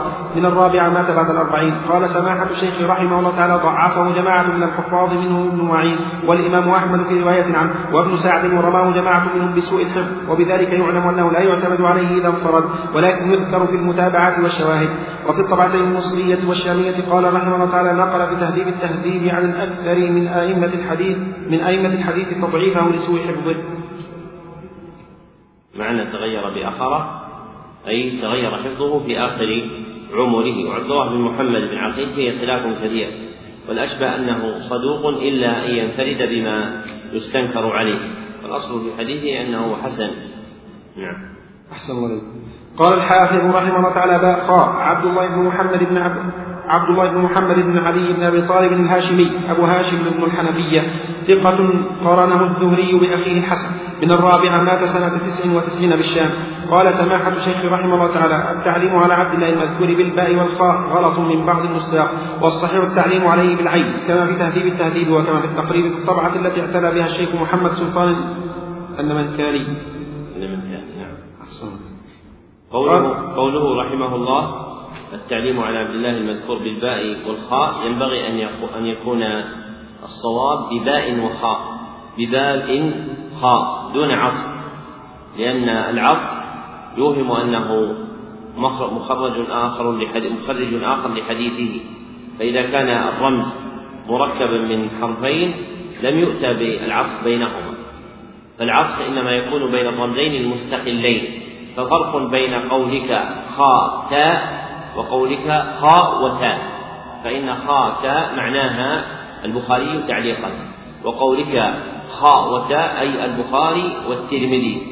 فإذا كان الرمز مؤلفا من حرفين فلا تأتي بحرف العطف بينهما لئلا يوهم أن كل حرف منهما مجعولا مجعول للدلالة على مخرج للحديث. وإنما تقول في مثل هذا بباء خاء. نعم. أحسن مريض قال سماحة الشيخ رحمه الله تعالى فات المؤلف ذكر عبد الله بن مسلم بن جندب الهذلي وقد ذكر المؤلف في تهذيب التهذيب ورمز له بعلامة الترمذي ونقل عن أبي زرعة أنه لا بأس به وعن العجلي أنه ثقة لم ينقل عن غيره ما فيه جرحا ولا توثيقا والله ولي التوفيق. تنبيه. ثم وجدت المؤلف قد ذكره في الطبعة الهندية وحكم عليه بقول أبي زرعة وبذلك يعلم أن سقوطه من هذه النسخة من عمل ناسخ الأصل أو الطابع والحمد لله على بيان الحق. قال الحافظ رحمه الله تعالى ذلك عبد الله بن هارون أو ابن أبي هارون الحجازي المجهول من الثالثة. قال سماحة الشيخ رحمه الله تعالى ذكر في تهذيب التهذيب في ترجمة عبد الله المذكور أنه روى عن أنه روى عن عبد الله بن عمرو بن العاص وعنه أبو سلمة بن نبي. نبي؟ وعنه أبو سلمة بن نبي ولم يزد على ذلك وبذلك يعلم أنه مجهول العين كما جزم بذلك المؤلف هنا. قال الحافظ رحمه الله تعالى تاء وسين عبد الله بن الوليد بن مغفر المزني الكوفي ويقال له العجلي ثقة من السابعة. قال سماحة الشيخ رحمه الله تعالى صوابه ابن معقل كما في تهذيب التهذيب. أحسن. قال الحافظ رحمه الله تعالى سين عبد الله بن يسار المكي الأعرج مقبول من الخامسة. قال سماحة الشيخ رحمه الله تعالى ذكر الحافظ في تهذيب التهذيب أن ابن حبان ذكره في الثقات ولم يقل في حاله سوى ذلك. فيكون على قاعدة ابن حجر مقبولا. نعم. أحسن الله قال الحافظ ابن حجر رحمه الله تعالى عبد الأعلى بن عامر الثعلبي الكوفي صدوق يهم من السادسة قال سماحة الشيخ رحمه الله تعالى اعتمد الحافظ رحمه الله في هذا قول الساجي. كما في التهذيب كما في التهذيب وتهذيبه ونقل في تهذيب التهذيب تضعيفه عن أحمد وابي زرعة وابن سعد وقال أبو زرعة وأبو حاتم والدار قطني ليس بالقوي وذكر عن ابن أبي قيثمة عن ابن معين ليس بذاك القوي ونقل الحافظ عن أبي علي الكرابسي أنه من أوهى الناس انتهى وبهذا يتضح أن عبد الأعلى المذكور المذكور لا يعتمد عليه في الرواية إذا انفرد والله ولي التوفيق. فهو ضعيف وليس صدوقا يهم كما قال الحافظ فالاقرب أن عبد الأعلى بن عامر ضعيف الحديث وهو راوي الحديث من قال في القرآن برأيه فأصاب فقد أخطأ. نعم. أحسن. قال رحمه الله تعالى تاء عبد الباقي الدقاني ضعفه البقالي وغيره واختلط في آخر حياته وقال الدار قطني يخطئ كثيرا ذكر هذا كله العلامة ابن القيم في زاد المعاد في الكلام على الطلاق في الحي. هذا الراوي ذكره الشيخ تمييزا وعبد الباقي بن قانع وإن ضعفه. البرقاني لكن غيره من شيوخ بغداد وثقوه. فالأقرب أن عبد الباقي بن قانع ثقة يخطئ فله أخطاء. وإنما قال الدار قطني يخطئ كثيرا لأنه كان إذا بين له خطأه أصر عليه. فجرحه الدار قطني بمثل ذلك وكان عصيا له. والصواب أن عبد الباقي بن قانع أحد الحفاظ وهو ثقة يخطئ. وقولنا أحد الحفاظ لا يراد به أنه ثقة بل حافظ وصف لمن كان معروفا بكثرة مرويه. وقد يكون ثقة وقد يكون كذابا. فإن من الحفاظ من هو كذاب. نعم. أحسن الله قال الحافظ رحمه الله تعالى دال وتاء وسين عبد الحميد بن محمود المعولي بمهملة البصري الكوفي مقل من الرابعة قال سماحة الشيخ رحمه الله تعالى لم يحكم عليه المؤلف بشيء وقد نقل في التهذيب عن النسائي. وابن حبان والدرقطي توثيقه والله أعلم. وحينئذ ينبغي أن يزاد في ترجمته ما يدل على حاله. الحافظ قد تركه غفلا في التقريب ولم يذكر شيئا يدل على حاله. وقد ذكر الشيخ نقلا عن النسائي وابن حبان والدار قطني توثيقه أي أنه ثقة. فالأشبه والله أعلم أن هذا الراوي ثقة لتوثيق هؤلاء الحفاظ له. وأما قول أبو حاتم فيه شيخ فأبو حاتم شديد في التوثيق. نعم. أحسن الله قال الحافظ رحمه الله تعالى تاء وسين عبد الرحمن بن الأسود بن المأمون الهاشمي مولاه البصري ثقة من الحادية عشرة فمات بعد بعد سنة أربعين. قال سماحة الشيخ رحمه الله تعالى كنيته أبو عمرو كما في الترمذي في كتاب الجنائز. قال الحافظ رحمه الله تعالى الأربعة عبد الرحمن البيلماني مولى عمر مدني مدني نزل حران ضعيف من الثالثة. قال سماحة الشيخ رحمه الله تعالى صوابه ابن البيلماني كما يعلم من التهذيب وغيره. وقال أيضا قال الحافظ ابن القيم في التهذيب الجزء السادس الصفحة الثلاثين بعد الثلاثمائة وهو مجمع على ترك الاحتجاج به. أحسن. قال الحافظ رحمه الله تعالى لو أن أحدا يجمع إجماعات المحدثين في الحكم على الرجال لا نفع بذلك. هذا من المواضع التي نقل فيها الإجماع فإن ابن القيم نقل الإجماع على ترك الاحتجاج به. ومثله أيضا أن النووي نقل الإجماع في شرح شرحه على مسلم أن عبد الرحمن بن إسحاق الكوفي ضعيف الحديث فمثل هذه الإجماعات نافعة. نعم. أحسن قال الحافظ رحمه الله تعالى دان وقال عبد الرحمن بن حبيب بن حبيب بن أربك المدني المخزومي مولاه ويقال حبيب بن عبد الرحمن لين الحديث من السادسة. قال سماحة الشيخ رحمه الله تعالى قال في تهذيب التهذيب عن النسائي منكر الحديث وعن ابن حبان أنه وثقه وهكذا الحاكم وقال إنه من ثقات المدنيين.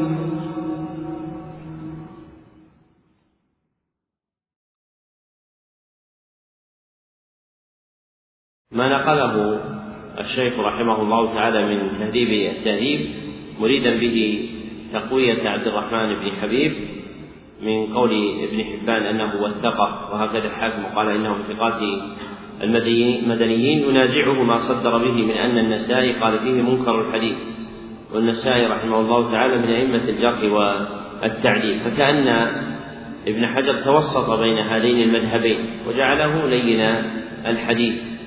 نعم. أحسن ولي. قال رحمه الله تعالى تاء عبد الرحمن بن خنبش بالخاء المعجمة التميمي صحابي سكن البصرة روى حديث التعبد بكلمات التامات من شر ما خلق ما ذرى وبرى كما في المسند الجزء الثالث الصفحة التاسعة عشرة بعد الأربعمائة وكما في الإصابة الجزء الثاني الصفحة التاسعة والثمانين بعد الثلاثمائة. قال الحافظ رحمه الله تعالى تاء والأربعة عبد الرحمن بن عبد الله بن عتبة بن مسعود الكوفي المسعودي صدوق اختلط قبل موته وضابطه أن من سمع منه ببغداد فبعد الاختلاط من السابعة مات سنة ستين وقيل سنة خمس وستين. قال سماحة الشيخ رحمه الله تعالى صوابه عتبة بن عبد الله بن مسعود كما ذكره في تهذيب التهذيب ومن ترجمة عتبة أخ عتبة أخي عبد الرحمن المذكور. قال الحافظ رحمه الله تعالى قال عبد الرحمن بن عبد الله بن مسعود الهذلي الكوفي ثقة من صغار الثانية مات سنة تسع وسبعين وقد سمع من أبيه لكن شيئا يسيرا. قال سماحة الشيخ رحمه الله تعالى علم علم له في التهذيب والخلاصة بالجماعة فلعل ما هنا غلط ما, ما هنا غلط. وقال سماحته أيضا قد ذكر المؤلف في تهذيب التهذيب بإسناد لا بأس به عن القاسم بن عبد الرحمن المذكور عن أبيه ما يدل على سماعه من أبيه وهو كبير وهكذا. صرح جماعة بذلك كما في تهذيب التهذيب فالصواب القول إنه سمع من أبيه وبذلك يكون الأصل في روايته والسماع من أبيه إلا ما صرح بأنه لم يسمع منه. والله ولي التوفيق. هذا الذي خلص إليه الشيخ من ترجيح أنه سمع من أبيه لا يخالف ما ذكره الحافظ فإن الحافظ قال وقد سمع من أبيه لكن شيئا يسيرا ذلك لأن حديث عبد الرحمن عن أبيه قليل فهذا هو الذي سمعه فهو سمع من أبيه لكن شيئا يسيرا يعني أن أحاديثه عن أبيه قليلة فهو سمع من أبيه لكن حديثه قليل بخلاف حديث أخيه أبي عبيدة ابن عبد الله فإن حديث أبا عبيدة كثير عن أبيه وأبو عبيدة لم يسمع من أبيه لكن حديثه عن أبيه متصل لأنه أخذه عن كبار أصحاب أبيه. وحكم الحفاظ باتصال علي بن المديني ويعقوب بن شيبة والنسائي رحمهم الله تعالى. ومعنى قوله ها هنا من صغار الثانية أي من صغار وهم كبار التابعين من صغار كبار التابعين الثانية مجعولة لكبار التابعين. نعم. أحسن الله قال الحافظ رحمه الله تعالى مين؟ عبد الرحمن بن عبد العزيز بن عبد الله بن عثمان بن حنيف الأنصاري الأوسي أبو محمد المدني الأمامي بالضم صدوق يخطئ من الثامنة مات سنة اثنتين وستين وهو ابن بضع وسبعين. قال سماحة الشيخ رحمه الله تعالى ذكره مسلم رحمه الله. الصفحة الحادية والتسعين بعد المئة الجزء التاسع في الصحيح بالشرح النووي ونقل عن القعنبي أنه مدني من الأنصار من ولد أبي أمامة بن سهل بن حنيف وصريح كلام الحافظ هنا نسبته إلى عثمان بن حنيف فلعل ما قاله القعنبي نسبة إلى أمه يعني أن أمه من ولد سهل بن حنيف. ولهذا قال الحافظ هنا الأمامي نسبة إلى أبي أمامة بن سهل والله أعلم. قال الحافظ رحمه الله تعالى خاء وميم دال وسين. عبد الرحمن بن القاسم بن خالد بن جنادة العتقي بضم المهملة وفتح المثنات بعدها قال أبو عبد الله البصري الفقيه صاحب مالك ثقة من كبار العاشرة مات سنة 91 قال سماحة الشيخ رحمه الله تعالى صوابه المصري كما في تهذيب التهذيب. أحسن قال رحمه الله تعالى تاء عبد الرحمن بن مالك بن مغول ضعيف قاله أبو العباس بن تيمية في مقدمة منهاج السنة. هذه الفائدة مرت على الشيخ أثناء قراءة منهاج السنة عليه في هذه السنين. الشيخ كان قد شرع في قراءة منهاج السنة ثم أوقفه ولم يكمله رحمه الله تعالى. فلما وجد هذه الفائدة ألحقها تمييزا في هذا الموضع. نعم. أحسن الله قال الحافظ رحمه الله تعالى عين عبد الرحمن بن محمد بن زياد المحاربي أبو محمد الكوفي. لا بأس به وكان يدلس قاله أحمد بن التاسعة مات سنة خمس وتسعين. قال سماحة الشيخ رحمه الله تعالى وهكذا وصفه بالتدليس أحمد بن عبد الله العجلي كما ذكره الحافظ في تهذيب التهذيب. أحسن قال الحافظ رحمه الله تعالى دال وتاء وسين عبد الرحمن بن مسعود بن مسعود بن نيار. بكسر النون وبالتحتانية الأنصاري المدني مقبول من الرابعة. قال سماحة الشيخ رحمه الله تعالى قال في تهذيب التهذيب وثقه ابن حبان وقال البزار معروف انتهى من تهذيب التهذيب. أحسن قال الحافظ رحمه الله تعالى دال عبد الرحمن بن معقل بن مقرن المدني أبو عاصم الكوفي ثقة تكلم في روايته عن أبيه لصغره ووهم من ذكره في الصحابة إنما هو من الثالثة. قال سماحة الشيخ رحمه الله تعالى صواب المزني كما في تهذيب التهذيب. أحسن الله قال الحافظ رحمه الله تعالى باء خاء وميم ودال وسين وقاف عبد الرحمن بن أبي هلال العبسي بالموحده الكوفي ثقة من الثالثة. قال سماحة الشيخ رحمه الله تعالى الذي في صحيح مسلم في كتاب الزكاة ابن هلال وهكذا بتهذيب التهذيب فليحرر. أحسن الله.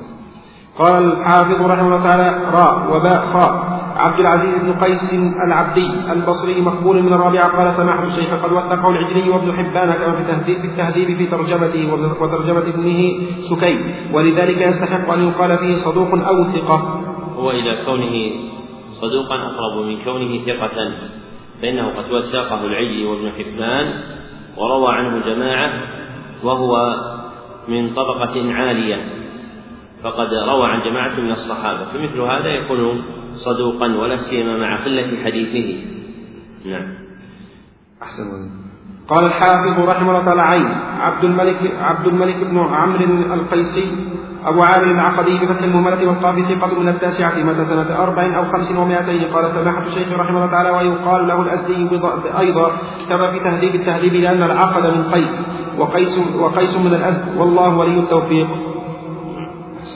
قال الحافظ رحمه الله تعالى خاء ودال وسين عبد الواحد بن واصل السدوسي مولاهم أبو عبيدة الحداد البصري. نزيل بغداد ثقة تكلم فيه الأزدي بغير حجة من التاسعة. مات سنة خمسين ومائة. قال سماحة الشيخ رحمه الله تعالى صوابه سنة تسعين ومائة. كما في تهذيب التهذيب وكما في التقريب الطبعة الهندية والشامية. والله ولي التوفيق. قال الحافظ رحمه الله تعالى خاء تاء وميم وتاء. عبد بغير إضافة ابن حميد بن حميد بن نصر الكسي بمهملة أبو محمد قيل اسمه عبد الحميد وبذلك جزم ابن حبان وغير واحد ثقة حافظ من الحادية عشرة مات سنة تسع وأربعين. قال سماحة الشيخ رحمه الله تعالى نسبة إلى مدينة بأرض السند قاله في المعجم وحكى في الكافي الكسر والفتح وذكر أن السين مشددة. ونقل صاحب المعجم عن بعضهم أن الأصل كشي بالشين المعجمة ثم عربت بالسين المهملة. وهو صاحب كتاب المسند والتفسير مسند عبد بن حميد الذي بأيدينا. وأرض السند هي المقابلة لأرض الهند ولذلك يقال بالسند والهند. وهي اليوم في بلاد باكستان إقليم كبير في بلاد باكستان. وما ذكره عن صاحب المعجم عن بعضهم أن الأصل بالشين ثم عربت بالسين. وهذا حال أكثر البلدان الأعجمية التي دخلها المسلمون فعربوا أسماءها فهم تكون على حرف شديد عليهم فيخففونه مثل الكسي والكشي ومثل الأصبهاني والأصفهاني فكلاهما جائز. نعم. أحسن الله قال الحافظ رحمه الله تعالى عين. عبيد الله عبيد الله بن أبي جعفر المصري أبو بكر الفقيه مولى بني كنانة وأمية قيل اسم أبي يسار بالتحتانيه ومهملة ثقة وقيل عن أحمد أنه لين وكان فقيها عابدا قال أبو حاتم هو مثل يزيد بن أبي حبيب. من الخامسة مات سنة اثنتين وقيل أربع وقيل خمس وقيل ست وثلاثين. قال سماحة الشيخ رحمه الله تعالى روى الدار روى الدارمي رحمه الله تعالى في سننه الجزء الأول الصحه الثالثة والخمسين رقم الحديث التاسع والخمسين بعد المئة بإسناد صحيح عن عبيد الله المذكور مرفوعا أجرأكم على الفتيا أجرأكم على النار. وهذا مرسل صحيح وهو يوجب على طالب العلم الحذر من عواقب الفتيا والتثبت فيها والله ولي التوفيق. قال الحافظ رحمه الله تعالى دال وتاء وقاف عبيد الله بن أبي زياد القداح أبو الحسين المكي ليس بالقوي من الخامسه مات سنة خمسين ومائة. قال سماحة الشيخ رحمه الله تعالى واتقوا أحمد والحاكم والعجلي. واختلف فيه كلام ابن معين وضعفه آخرون. وقال ابن علي في حقه ما نصه قد حدث عنه الثقات ولم أرى في حديثه شيئا منكرا انتهى من تهذيب التهذيب. لكن قول من ضعفه أقوى من قول من وثقه فهو ينفرد بأحاديث مناكير كما قال أبو داود. فهو إلى الضعف أقرب من كونه صدوقا أو ثقة. نعم. أحسن عليك. معنى اختلف فيه كلام ابن معين أي؟ وثقه وضعفه تعددت الرواية عن ابن معين فيه. نعم. أحسن عليك. قال الحافظ رحمه الله تعالى دال وسين وقاف. أبو المنيب بضم الميم وكسر النون وآخره موحدة العتكي بفتح المهملة والمثنى المروزي. صدوق يخطئ من السادسة قال سماحة الشيخ هنا سقط يعلم من تهذيب التهذيب وهو اسمه واسم أبيه وقد سماه عبيد الله عبيد الله بن عبد الله وثقه ابن معين وجماعة وضعفه آخرون كما في تهذيب التهذيب. أحسن قال الحافظ رحمه الله تعالى عين عبيد الله بن عمر بن أبي الوليد الرقي أبو وهب الأسدي. ثقة فقيه ربما وهم. من الثامنة مات سنة ثمانين إلا سنة. قال سماحة الشيخ رحمه الله تعالى ورد في تهذيب التهذيب والكاشف والخلاصة وسموا أباه عمرا. وهكذا في بعض نسخ التقريب أما الرقي بفتح الراء نسبة إلى الرقة بالفتح بلدة في الجزيرة على طرف الفرات كما في اللباب. أحسن قال الحافظ رحمه الله تعالى ميم دال وتاء وقاف عبيد الله بن علي بن أبي رافع المدني يعرف بعباده. ويقال فيه علي بن عبيد الله لين الحديث من السادسة. قال سماحة الشيخ رحمه الله تعالى هذه العلامة من دال لمن خرج عنه في المراسيل والمذكور قد خرج عنه في السنن في الأحاديث المتصلة ذكره في كتاب الطب فليتأمن والمراسيل كتاب مفرد غير كتاب السنن فالسنن سنن أبي داود والمراسيل مراسيل أبي داود. وقد طبعت المراسيل قديما في بلاد باكستان بتحقيق شيخنا محمد عبده الفلاح وهو تحقيق نفيس وإن كان قليلا وجوده في بلاد العرب لكنه قبل الطبعة التي متداولة بأيدي الناس وهي أحسن منها. نعم. أحسن منها. قال الحافظ رحمه الله تعالى ميم والأربعة عبيد بن نضلة الخزاعي أبو معاوية الكوفي ثقة من الثالثة قال سماحة الشيخ رحمه الله ذكر في تهذيب التهذيب عن النسائي وابن حبان أنه يقال له أيضا عبيد بن بن نضيلة بالتصغير في اسم أبيه انتهى وهكذا وقع في صحيح مسلم في أبواب الجنايات في حديث المغيرة في إملاص المرأة. حينئذ كان ينبغي أن يقول الحافظ عبيد بن نضلة ويقال ابن نضيلة كما يفعله في بعض التراجم أحسن الله قال الحافظ رحمه الله الأربعة عتاب بن أسيد ابن أبي ابن أبي العيص ابن أمية الأموي أبو عبد الرحمن أو أبو محمد المكي له صحبة وكان أمير مكة في عهد النبي صلى الله عليه وسلم ومات في يوم مات أبو بكر الصديق فيما ذكر الواقدي لكن ذكر الطبراني أنه كان عاملا على مكة لعمر سنة 21 قال سماحة الشيخ رحمه الله وذكر المؤلف في التهذيب عن الإمام ابن جرير ما يدل على مثل ما قاله الطبراني. وبذلك يمكن سماع سعيد بن المسيب منه بن المسيب منه فلا فلا تكون روايته عنه منقطعة. والله أعلم. لكن أكثر أهل التاريخ على ما ذكره الواقدي فالأظهر أنه مات قديما قريبا من عهد أبي بكر إما في يوم موته وإما بعده سريعا ولم يتأخر إلى زمان عمر. نعم. أحسن عليكم قال الحافظ رحمه الله تعالى قال عتاب بن زياد الخرساني أبو عمرو المروزي صدوق من الحادية عشرة مات سنة اثنتين اثنتي عشرة. قال سماحة الشيخ. رحمه الله تعالى قوله من الحادية عشرة فيه نظر ومقتضى ما ذكره المؤلف في المقدمة أن يكون من العاشرة أو التاسعة فلينظر في ذلك. والعاشرة هم الذين أخذوا عن سبع الأتباع وعتاب قريب من هذا فهو من طبقة الإمام أحمد بن حنبل وهو من العاشرة نعم. أحسن الله قال الحافظ رحمه الله تعالى الأربعة عثمان بن إسحاق بن قرشة بمعجمتين بينهما راء مفتوحات القرشي العامري المدني واتقه الجوري في رواية ابن معين من الخامسة قال سماحة الشيخ رحمه الله صواب واتقه ابن معين في رواية الدوري عنه كما يعلم من تهذيب التهذيب. فهذا قلب. إن قال واتقه الدوري في ابن معين هي واتقه ابن معين في رواية الدوري نعم. أحسن الله قال الحافظ رحمه الله سين عثمان بن عمرو بن ساج بن ساج مولى بني أمية وقد ينسب إلى جده فيه ضعف من التاسعة. قال سماحة الشيخ رحمه الله تعالى المذكور والجزري قال فيه أبو حاتم يكتب حديثه ولا يحتج به ووثقه ابن حبان وقيل إنهما اثنان أحدهما عثمان بن ساج يروي عن خصيف ومقسم والثاني عثمان بن عمرو كما في تهذيب التهذيب وخرج أحمد بن مسند عن معمر عن عثمان الجزل عن مقسم عن ابن عباس حديث نسج العنكبوت على غار ثور حين اختفى فيه النبي صلى الله عليه وسلم وقت الهجرة. ظاهر كلام الحافظ ابن حجر في تهذيب التهذيب أنهما اثنان عثمان بن عمرو وعثمان بن ساج.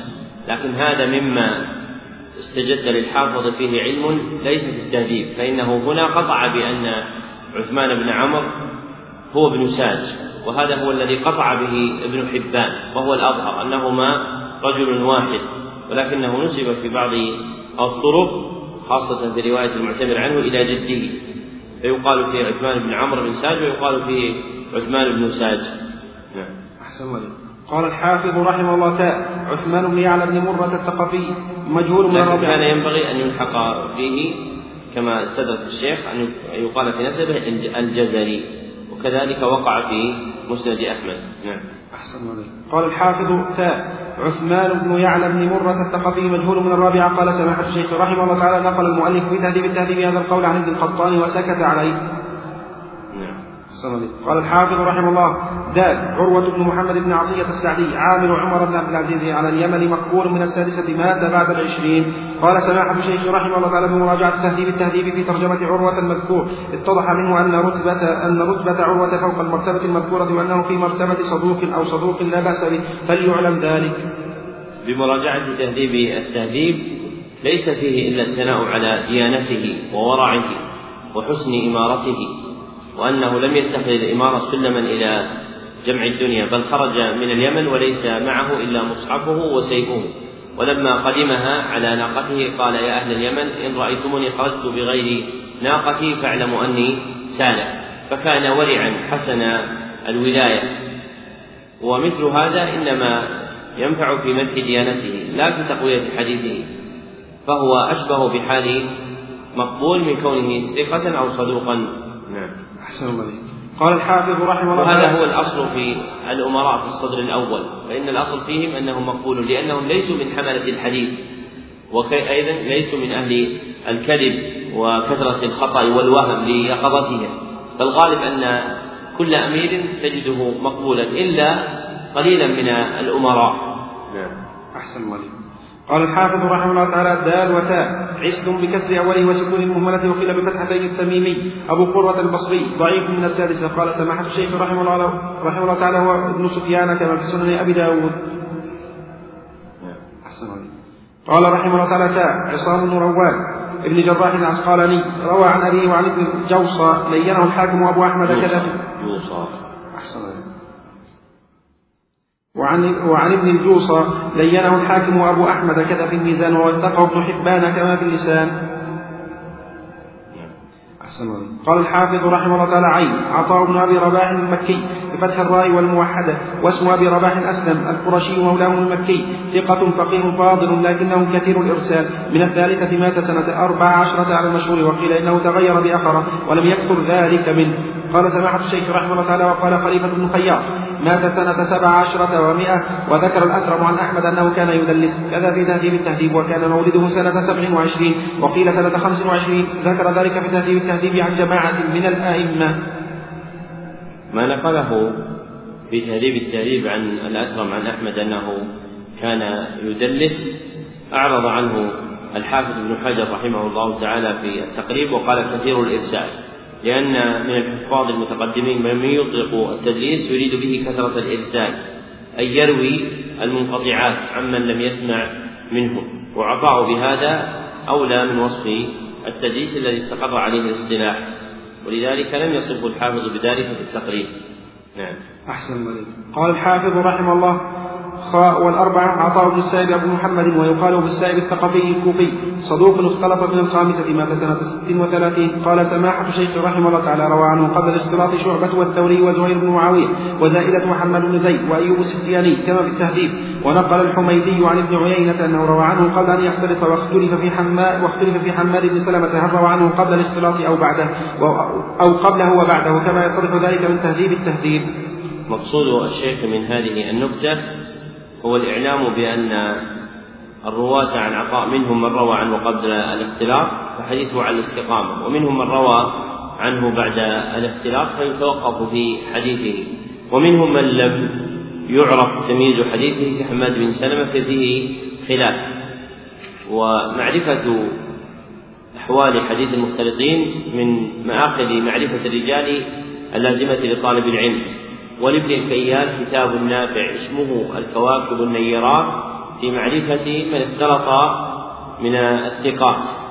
وهذه الكتب الثلاثة الكواكب النيرات لابن الكيال وتعريف أهل التقديس لمن وصف بالتدليس لابن حجر وجامع التحصيل للعلاء ثلاثة كتب نافعة في تكميل تراجم الرواة. فالأول يعتني بالانقطاع والثاني يعتني بالتدليس فالأول يعتني بالاختلاط والثاني يعتني بالتدليس والثالث وهو كتاب العلاء يعتني بالانقطاع. فلا بد أن تكون عند طالب العلم. نعم. أحسن الله قال الحافظ رحمه الله تعالى باء خاء ودال وتاء وسين. عطاء العامري الطائفي مقبول من الثالثة. قال سماحة الشيخ رحمه الله تعالى قال المزي في التهذيب واتقه ابن حبان. وقال الحافظ في تهذيب التهذيب عن أبي الحسن بن القطان والذهبي في الميزان. مجهول الحال لم يروي عنه غير ابنه غير ابنه يعلى. انتهى. وقد علم في المصطلح أن جهالة الحال تزول بتوثيق بعض الآئمة بالراوي. وقد وثقه هنا ابن حبان كما في التهذيب. ولهذا جزم الحافظ هنا بأنه مقبول. صلى الله قال الحافظ رحمه الله تعالى باء خاء ودال وتاء وسين. عقبة بن مسلم التجيبي بضم المثنات وكسر الجيم بعدها تحتانية ساكنة ثم موحدة. أبو محمد البصري إمام الجامع ثقة من الحادية عشرة مات في حدود الخمسين. قال سماحة الشيخ رحمه الله تعالى صوابه المصري بالميم بدل الباء الموحدة كما في التهذيب وصوابه الرابعة كما في نسخة أخرى من التقريب وكما يعلم ذلك من التهذيب. قال الحافظ رحمه الله تعالى ميم ودال وتاء وقال عقبة مكرم بضم الميم وسكون الكاف وفتح الراء العمي بفتح المهملة وتشديد الميم. أبو عبد الملك البصري ثقة من الرابعة مات قريبا من سنة عشرين. قال سماحة الشيخ رحمه الله تعالى صوابه من الحادية عشرة. كما يعلم من التهذيب وغيره وهو أحد شيوخ مسلم شيوخ مسلم رحمه الله تعالى. قال الحافظ رحمه الله تعالى دان عقيل بن معقل بن منبه اليماني ابن أخي وهب صدوق من السابعة قال سماحة الشيخ رحمه الله تعالى حقه على حسب قاعدة المؤلف أن يحكم عليه بأنه ثقة لأنه أرفع من درجة الصدوق لأنه رحمه الله تعالى ذكر في التهذيب عن الإمام أحمد وعبد الصمد بن عبد الوارث وابن معين أنه ثقة وعن ابن حبان أنه ذكره في الثقات فلا أدري ما هو السبب في حكمه عليه هنا لأنه صدوق ولم ولم يحكم عليه بأنه ثقة مع العلم بأنه أعني الحافظ لم يذكر في تهذيب التهذيب عن عن غير من ذكرنا شيئا في حقه والله ولي التوفيق. إنما عدل الحافظ عن الحكم عليه بأنه ثقة إلى قوله صدوق لأنه قليل الحديث. فلأجل القلة أنزل الحافظ رتبته عن رتبة الثقة لأن الثقة يكثر الأخذ عنه. وإن كان الأقوى أن هذا الراوي ثقة وليس صدوقا كما اقتصر عليه الحافظ لكن هذا مأخذ الحافظ ابن حجر. نعم. أحسن الله قال الحافظ رحمه الله تعالى ياء وميم والأربعة علقمة بن وائل بن حجر. بضم المهملة وسكون الجيم الحضرمي الكوفي صدوق إلا أنه لم يسمع من أبيه. قال سماحة الشيخ رحمه الله تعالى هذا القول حكاه العسكري عن ابن معين والصواب أنه سمع منه كما هو ظاهر كلام المصنف في التهذيب وروى مسلم في الصحيح في كتاب الدماء عن سماك عن سماك بن حرب تصريح علقمة بالسماع من أبيه فتنبه له.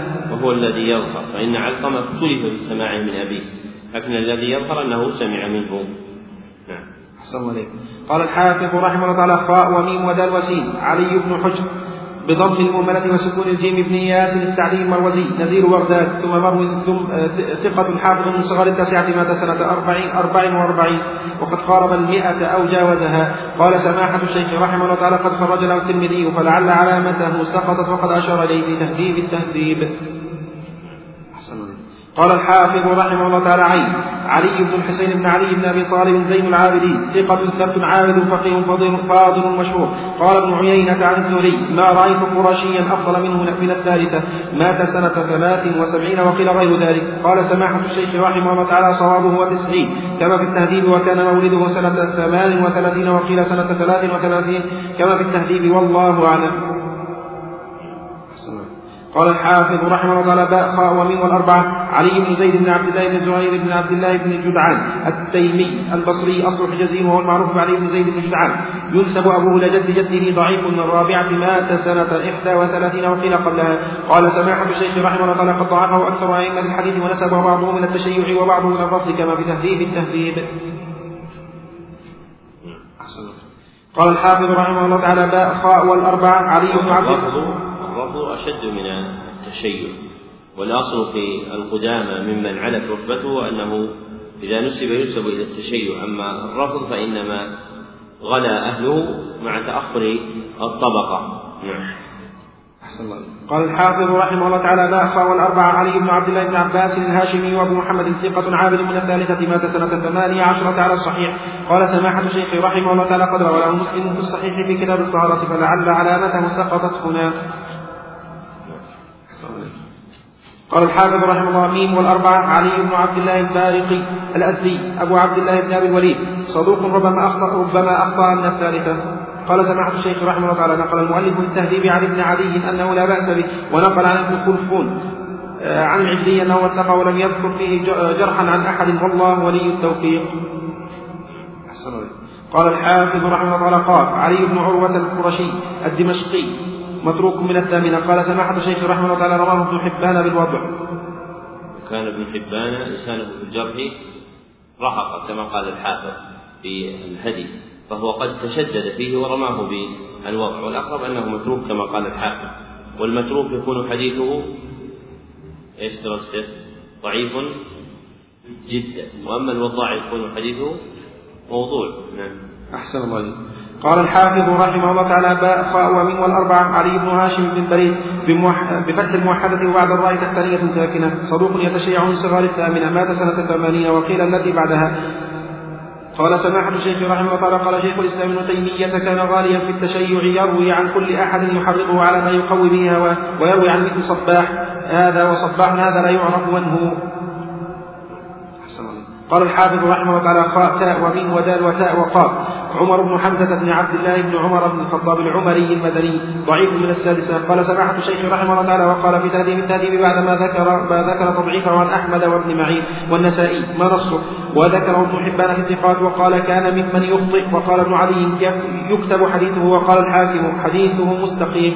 قلت وبهذا يتضح عذر الإمام, عذر الإمام مسلم في تخريج حديثه وقد علم في الأصول أن التوثيق مقدم على التضعيف الذي لم يذكر سببه والتضعيف هنا لم يذكر سببه والله ولي التوفيق. مسلم لم يخرج لعمرو بن حمزة لعمر بن حمزة إلا المتابعات والشواهد وهو الذي انفرد بزيادة بشماله بإثبات الشمال لله عز وجل في حديث عبد الله بن عمر وعمر جرح بهذا أنه ينفرد بأحاديث ويقع له أخطاء فالأشبه والله أعلم أن حاله كما ذكر الحافظ أنه ضعيف. نعم. أحسن الله قال الحافظ رحمه الله تعالى الأربعة عمر بن رؤبة بضم الراء وسكون الواو بعد موحدة صدوق من الرابعة. قال سماحة الشيخ رحمه الله تعالى قال المؤلف في تهذيب التهذيب عن البخاري فيه نظر وعن ابن أبي حاتم عن أبيه صالح الحديث لكن لا تقوم به الحجة وبذلك يكون عمر المذكور لين الحديث. والله ولي التوفيق. وهو كما قال الشيخ رحمه الله تعالى فإنه أقرب إلى الضعف من كونه صدوقا. والبخاري رحمه الله تعالى إنما يقول فيه نظر لمن اشتدت حاله في الضعف. نعم. أحسن عليك قال الحافظ رحمه الله تعالى خاء وميم ودال وسين وقاء. عمر بن زيد بن عبد الله بن عمر بن الخطاب المدني نزيل العسقلاني. ثقة من السادسة مات قبل الخمسين ومائتين قال سماحة الشيخ رحمه الله تعالى صوابه عمر بن محمد بن زيد بن عبد الله بن عمر بن الخطاب رضي الله تعالى عنه كما في الهندية. قال الحافظ قاف عمر بن شبة بفتح المعجبة وبتشديد الموحدة. ابن عبي ابن عبيدة بن زيد النوري النميري بن نون مصغرا أبو زيد أبو زيد بن أبي معاذ. البصري نزيل بغداد. صدوق له تصانيف من كبار من كبار الحادية عشرة مات سنة اثنتين وستين وقد جاوز التسعين. قال سماحة الشيخ رحمه الله تعالى ذكر في تهذيب التهذيب أن الدار قطني وابن حبان والخطيب البغدادي وآخرين وثقوه ولم يذكر عن أحد من الحفاظ أنه جرحه بشيء. ومقتضى ذلك أن يوصف عمر مذكور بأنه ثقة لأنه لأن وصف لأن وصفه بذلك أعلى من وصفه بأنه صدوق. كما يعلم ذلك من المقدمة ومقتضى ما ذكره بالتهذيب عن مشايخه أن يكون من الطبقة العاشرة. لا من الحادية عشرة والله ولي التوفيق وصلى الله على محمد. إنما جعله إنما جعله الحافظ صدوقا ولم يجعله ثقة لأن له أخطاء في الأحاديث. ومن أشهرها ما رواه أن النبي صلى الله عليه وسلم كان يرفع يديه في تكبيرات الجنازة فإنه أخطأ فيه وجعله مرفوعا. من حديث ابن عمر والمحفوظ فيه أنه موقوف عن ابن عمر وصح ذلك عن ابن عمر موقوفا. فلأجل هذا جعله الحافظ صدوقا. والأقرب أن يقال في مثله ثقة يخطئ. وزيادة يخطئ ليتوقع ما يتفرد به أنه يقع فيه خطأ. نعم. أحسن قال الحافظ رحمه الله تعالى قال عمر بن صبح. صاحب كتاب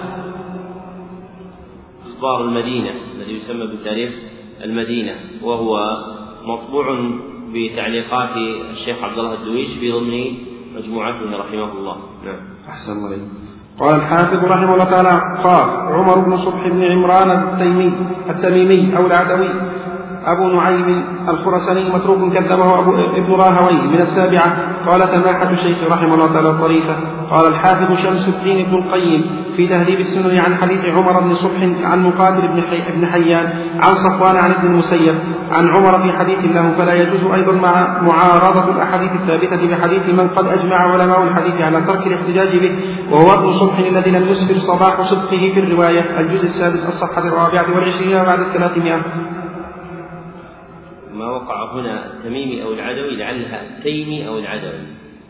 وأنتم راجعوها لأن التميمي بعيد عن العدوي وإنما هو التيمي أو العدوي وهما بطنان من قريش بني تيم الله وبني عدي. وبني تيم الله منهم أبو بكر الصديق وبني عدي منهم عمر بن الخطاب. فلعل الصواب عمر بن صلح بن عمران التيمي أو العدوي. راجعوها في التقريب. نعم. أحسن والأخ اللي كلفناه يراجع إسحاق بن راهويه الصواب أن كنيته أبو يعقوب وليس أبو محمد. والحافظ وهم في هذا في ما في التقريب. في التقريب جعله أبو محمد وإنما هو أبو يعقوب. نعم. أحسن الله قال الحافظ رحمه الله تعالى خاء وسين عمر بن محمد بن الحسن بن الزبير الأسدي بفتح المهملة الكوفي المعروف بابن التل بفتح المثنات بعدها لام صدوق ربما وهم من الحادية عشرة مات سنة خمس ومائتين. قال سماحة الشيخ رحمه الله تعالى صوابه مات سنة خمسين ومائتين كما في تهذيب التهذيب. قال الحافظ رحمه الله تعالى دال وتاء. عمر بن مرة الشني بفتح المعجمة وتشديد النون. بصري مقبول من الرابعة. قال سماحة الشيخ رحمه الله تعالى ذكر المؤلف في تهذيب التهذيب أن النسائي قال لا بأس به وأنه ذكره ابن حبان في الثقات. انتهى. وبهذا يرتفع عن درجة المقبول إلى درجة الثقة كما يعلم ذلك من كلام أئمة الحديث في مثل هذا. لو قال الشيخ ويرتفع بذلك إلى درجة الصدوق لكان أولى من رفعه إلى درجة الثقة فإنه إنما وثقه ابن حبان ومعروف حاله. ولكن ما يقويه هو قول النساء فيه لا بأس به فيكون صدوقا. نعم. أحسن الله عليك قال الحافظ رحمه الله تعالى الأربعة عمرو بن وجدان بضم الموحدة وسكون الجيم العامري بصري تفرد عن أبي عن أبي عنه أبو قلابة من الثانية لا يعرف حاله. قال سماحة الشيخ رحمه الله تعالى ليس الأمر كما ذكر المؤلف بل قد عرفه ووثقه العجلي وابن حبان. كما في تهذيب التهذيب وبذلك يعرف تساهل المؤلف في أمره وأن المذكور أقل أحواله أن يكون مقبولا حسن الحديث لغيره لأن لحديثه شواهد من رواية أبي هريرة وغيره. والأمر كما ذكر الشيخ فأقل أحواله أن يكون مقبولا والمقبول عند الحافظ كما قال حيث توبع وإلا فهو مستور فهذا الراوي ممن يصلح فيه أن يقال مقبول إن لم يكن حاله أرفع من ذلك فإن من كان في الثانية ووثقه العجلي وابن حبان مع قلة حديثه يصح أن يقال فيه إنه صدوق. فهو باعتبار قواعد ابن حجر مقبول وباعتبار ما يدل عليه اعتبار كلام غيره هو صدوق. نعم. أحسن. قال الحافظ رحمه الله تعالى باء خاء عمرو بن الحارث الثقفي ابن أخي زينب الثقفية ثقة من الثانية وهو غير الخزاعي على المرجح.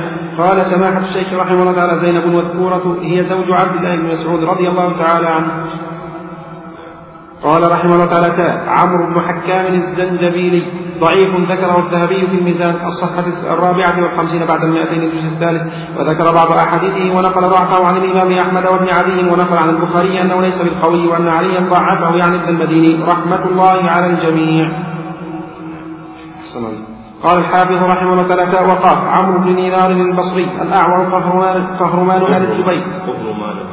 أحسن الله قهرمان آل الزبير. يكنى أبا يحيى ضعيف من السادسة. قال سماحة الشيخ رحمه الله تعالى ذكر في التهذيب ما يدل على إجماع أئمة الحديث على ضعفه وهو حديث وهو راوي حديث فضل الذكر في السوق المشهور. نعم. أحسن الله قال الحافظ رحمه الله تعالى ميم ودال وسين وقاف. عمرو بن سواد بتشديد الواو ابن الأسود بن عمرو العامري. أبو محمد البصري ثقة من الحادية عشرة مات سنة خمس وأربعين. قال سماحة الشيخ رحمه الله تعالى صوابه المصري والميم كما في تهذيب التهذيب ويقال له السرحي نسبة إلى أحد أجداده. قال الحافظ رحمه الله تعالى قال عمرو بن الضحاك ابن مخلد البصري والد أبي عاصم النبيل ثقة كان على قضاء الشام من الحادية عشرة مات سنة 42 قال سماحة الشيخ رحمه الله تعالى صوابه والد أبي بكر احمد بن عمرو بن عمرو بن أبي عاصم الحافظ. هذا الذي ذكره الشيخ صواب لكنه ليس المراد وإنما المراد ولد أبي عاصم النبيل وأبو عاصم النبيل هو الضحاك بن مخلد الشيباني وهو أحد رواة الكتب الستة. وابنه عمرو بن الضحاك خرج له ابن ماجه. وحفيده من؟ أحمد بن عمرو بن الضحاك ابن أبي عاصم صاحب كتاب السنة. وقد أدخله الشيخ تمييزا في أول الكتاب. نعم. أحسن الله عليكم. قال الحافظ رحمه الله تعالى عمرو بن العاص بن وائل السهمي. الصحابي المشهور أسلم على الحديبية وهو الذي فتحها مات سنة نيف وأربعين وقيل بعد الخمسين. قال سماحة الشيخ رحمه الله تعالى وفي الهندية ونصر وولي امرأة مصر مرتين وهو الذي فتحها. قال الحافظ رحمه الله تعالى دال عمرو بن عبد الله بن الأسواق اليمامي يقال له عمرو بن عمرو بن برق بفتح الموحده صدوق فيه لين من السابعة. قال سماحة الشيخ رحمه الله تعالى صوابه اليماني بالنون ويقال الصنعاني كما يعلم ذلك من مختصر المنذرين السنن ومن الميزان والتهذيب. أحسن الله. قال الحافظ رحمه الله تعالى عين عمرو بن عبد الله الهمداني أبو إسحاق السبيع بفتح المهملة وكسر الموحدة مكثر ثقة عابد من الثالثة اختلط بأخرة. مات سنة تسع وعشرين ومائة وقيل قبل ذلك. قال سماحة الشيخ رحمه الله تعالى لكنه مدلس كما نبه عليه المؤلف في طبقات المدلسين وكذلك في تهذيب التهذيب. إلا أن تدريس أبا إسحاق ممن احتمل الأئمة حديثه كما سلف خلافا لما صنعه الحافظ من عده إياه في المرتبة الثالثة في تعريف أهل التقديس. كما أن رواية شعبة عنه مأمونة من التدليس. فقد صح عن شعبة أنه قال كفيتكم تدليس ثلاثة الأعمش وقتادة وأبا إسحاق السبيعي نعم. أحسن إليكم. قال الحافظ رحمه الله تعالى عمرو بن عثمان بن يعلى بن مرة الثقفي مستور من السابعة. قال سماحة الشيخ رحمه الله تعالى ونقل الحافظ في تهذيب التهذيب أن ابن حبان ذكره في الثقات ونقل عن ابن القطان أنه لا يعرف حاله. قال قال الحافظ رحمه الله تعالى باء خاء ودال وسين وقاف عمرو بن عمرو أو ابن عامر بن مالك بن نضلة الجشمي بضم الجيم وفتح المعجمة أبو الزعراء بفتح الزاي وسكون المهملة الكوفي من السادسة. قال سماحة الشيخ قال رحمه الله تعالى قال في الطبعة الهندية ثقة من السادسة. وقال أيضا على رمز باء خاء في الهندية عين خاء تكميل. هذا هو الأصغر كما ذكر ذلك الحافظ في الكنى. أحسن عليك قال الحافظ رحمه الله تعالى دار عنبسة بن سعيد بن كثير بن عبيد القرشي آه، مولى أبي بكر ثقة من السابعة. قال سماحة الشيخ رحمه الله تعالى يلقب بالحاسب كما في سنن أبي داود في أبواب السواك وكما في الخلاصة.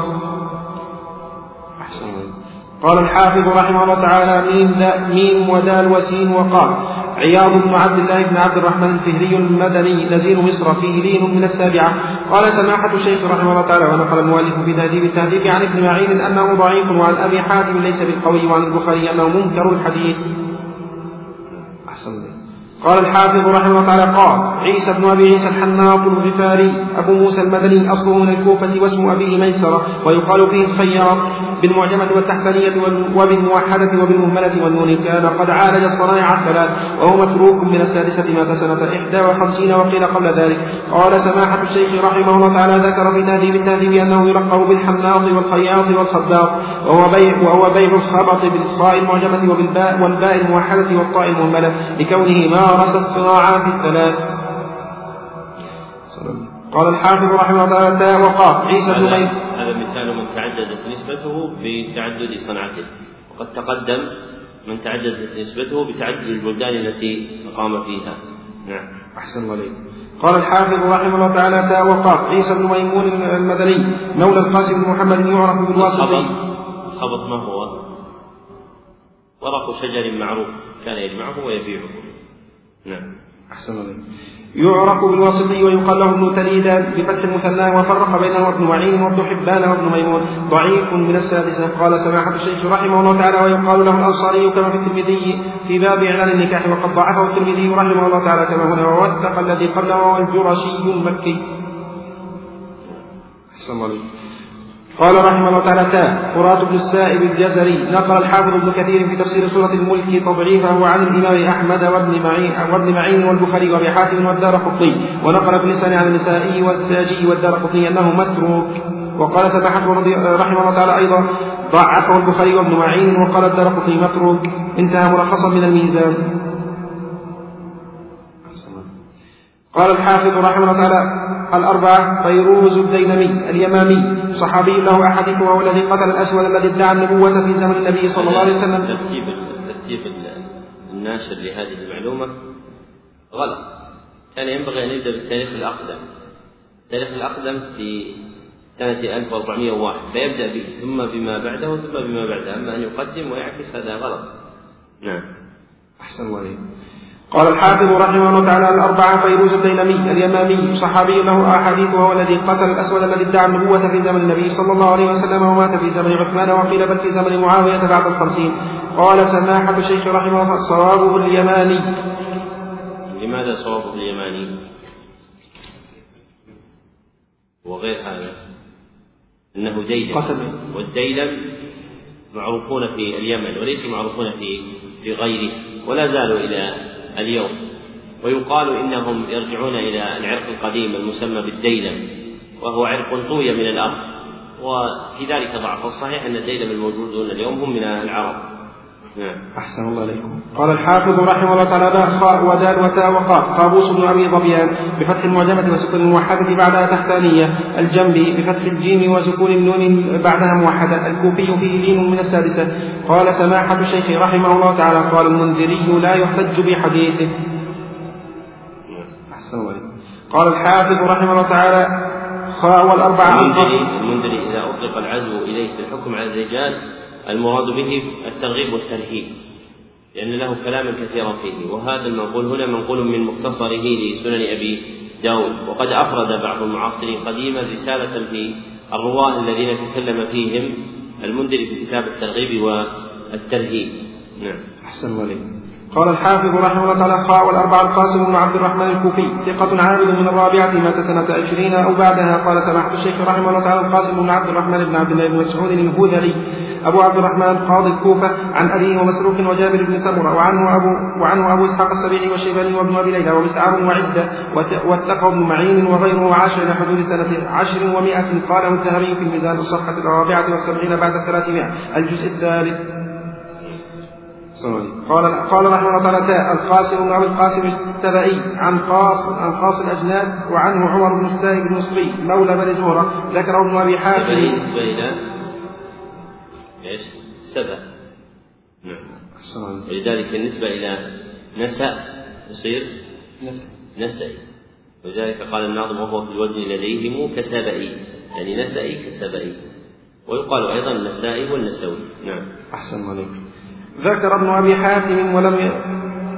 ذكره ابن أبي حاتم ولم يذكر فيه جرحا وذكره ابن حبان في الثقات انتهى ملخصا من تعجيل المنفعة. وهذا آخر البيان على هذه الجملة من الكتاب. ونستكمل بقيته بعد صلاة المغرب. إنه لم تبقى إلا شيء يسير. ربما ننهيه في نصف المغرب لكن بقي تقريبا خمسون صفحة. وهو الدرس الأخير فنجعله بعد المغرب حتى لا نكلفكم الذهاب والرجوع. وفق الله الجميع ما يحب ويرضى وصلى الله وسلم على عبده ورسوله محمد وآله وصحبه أجمعين.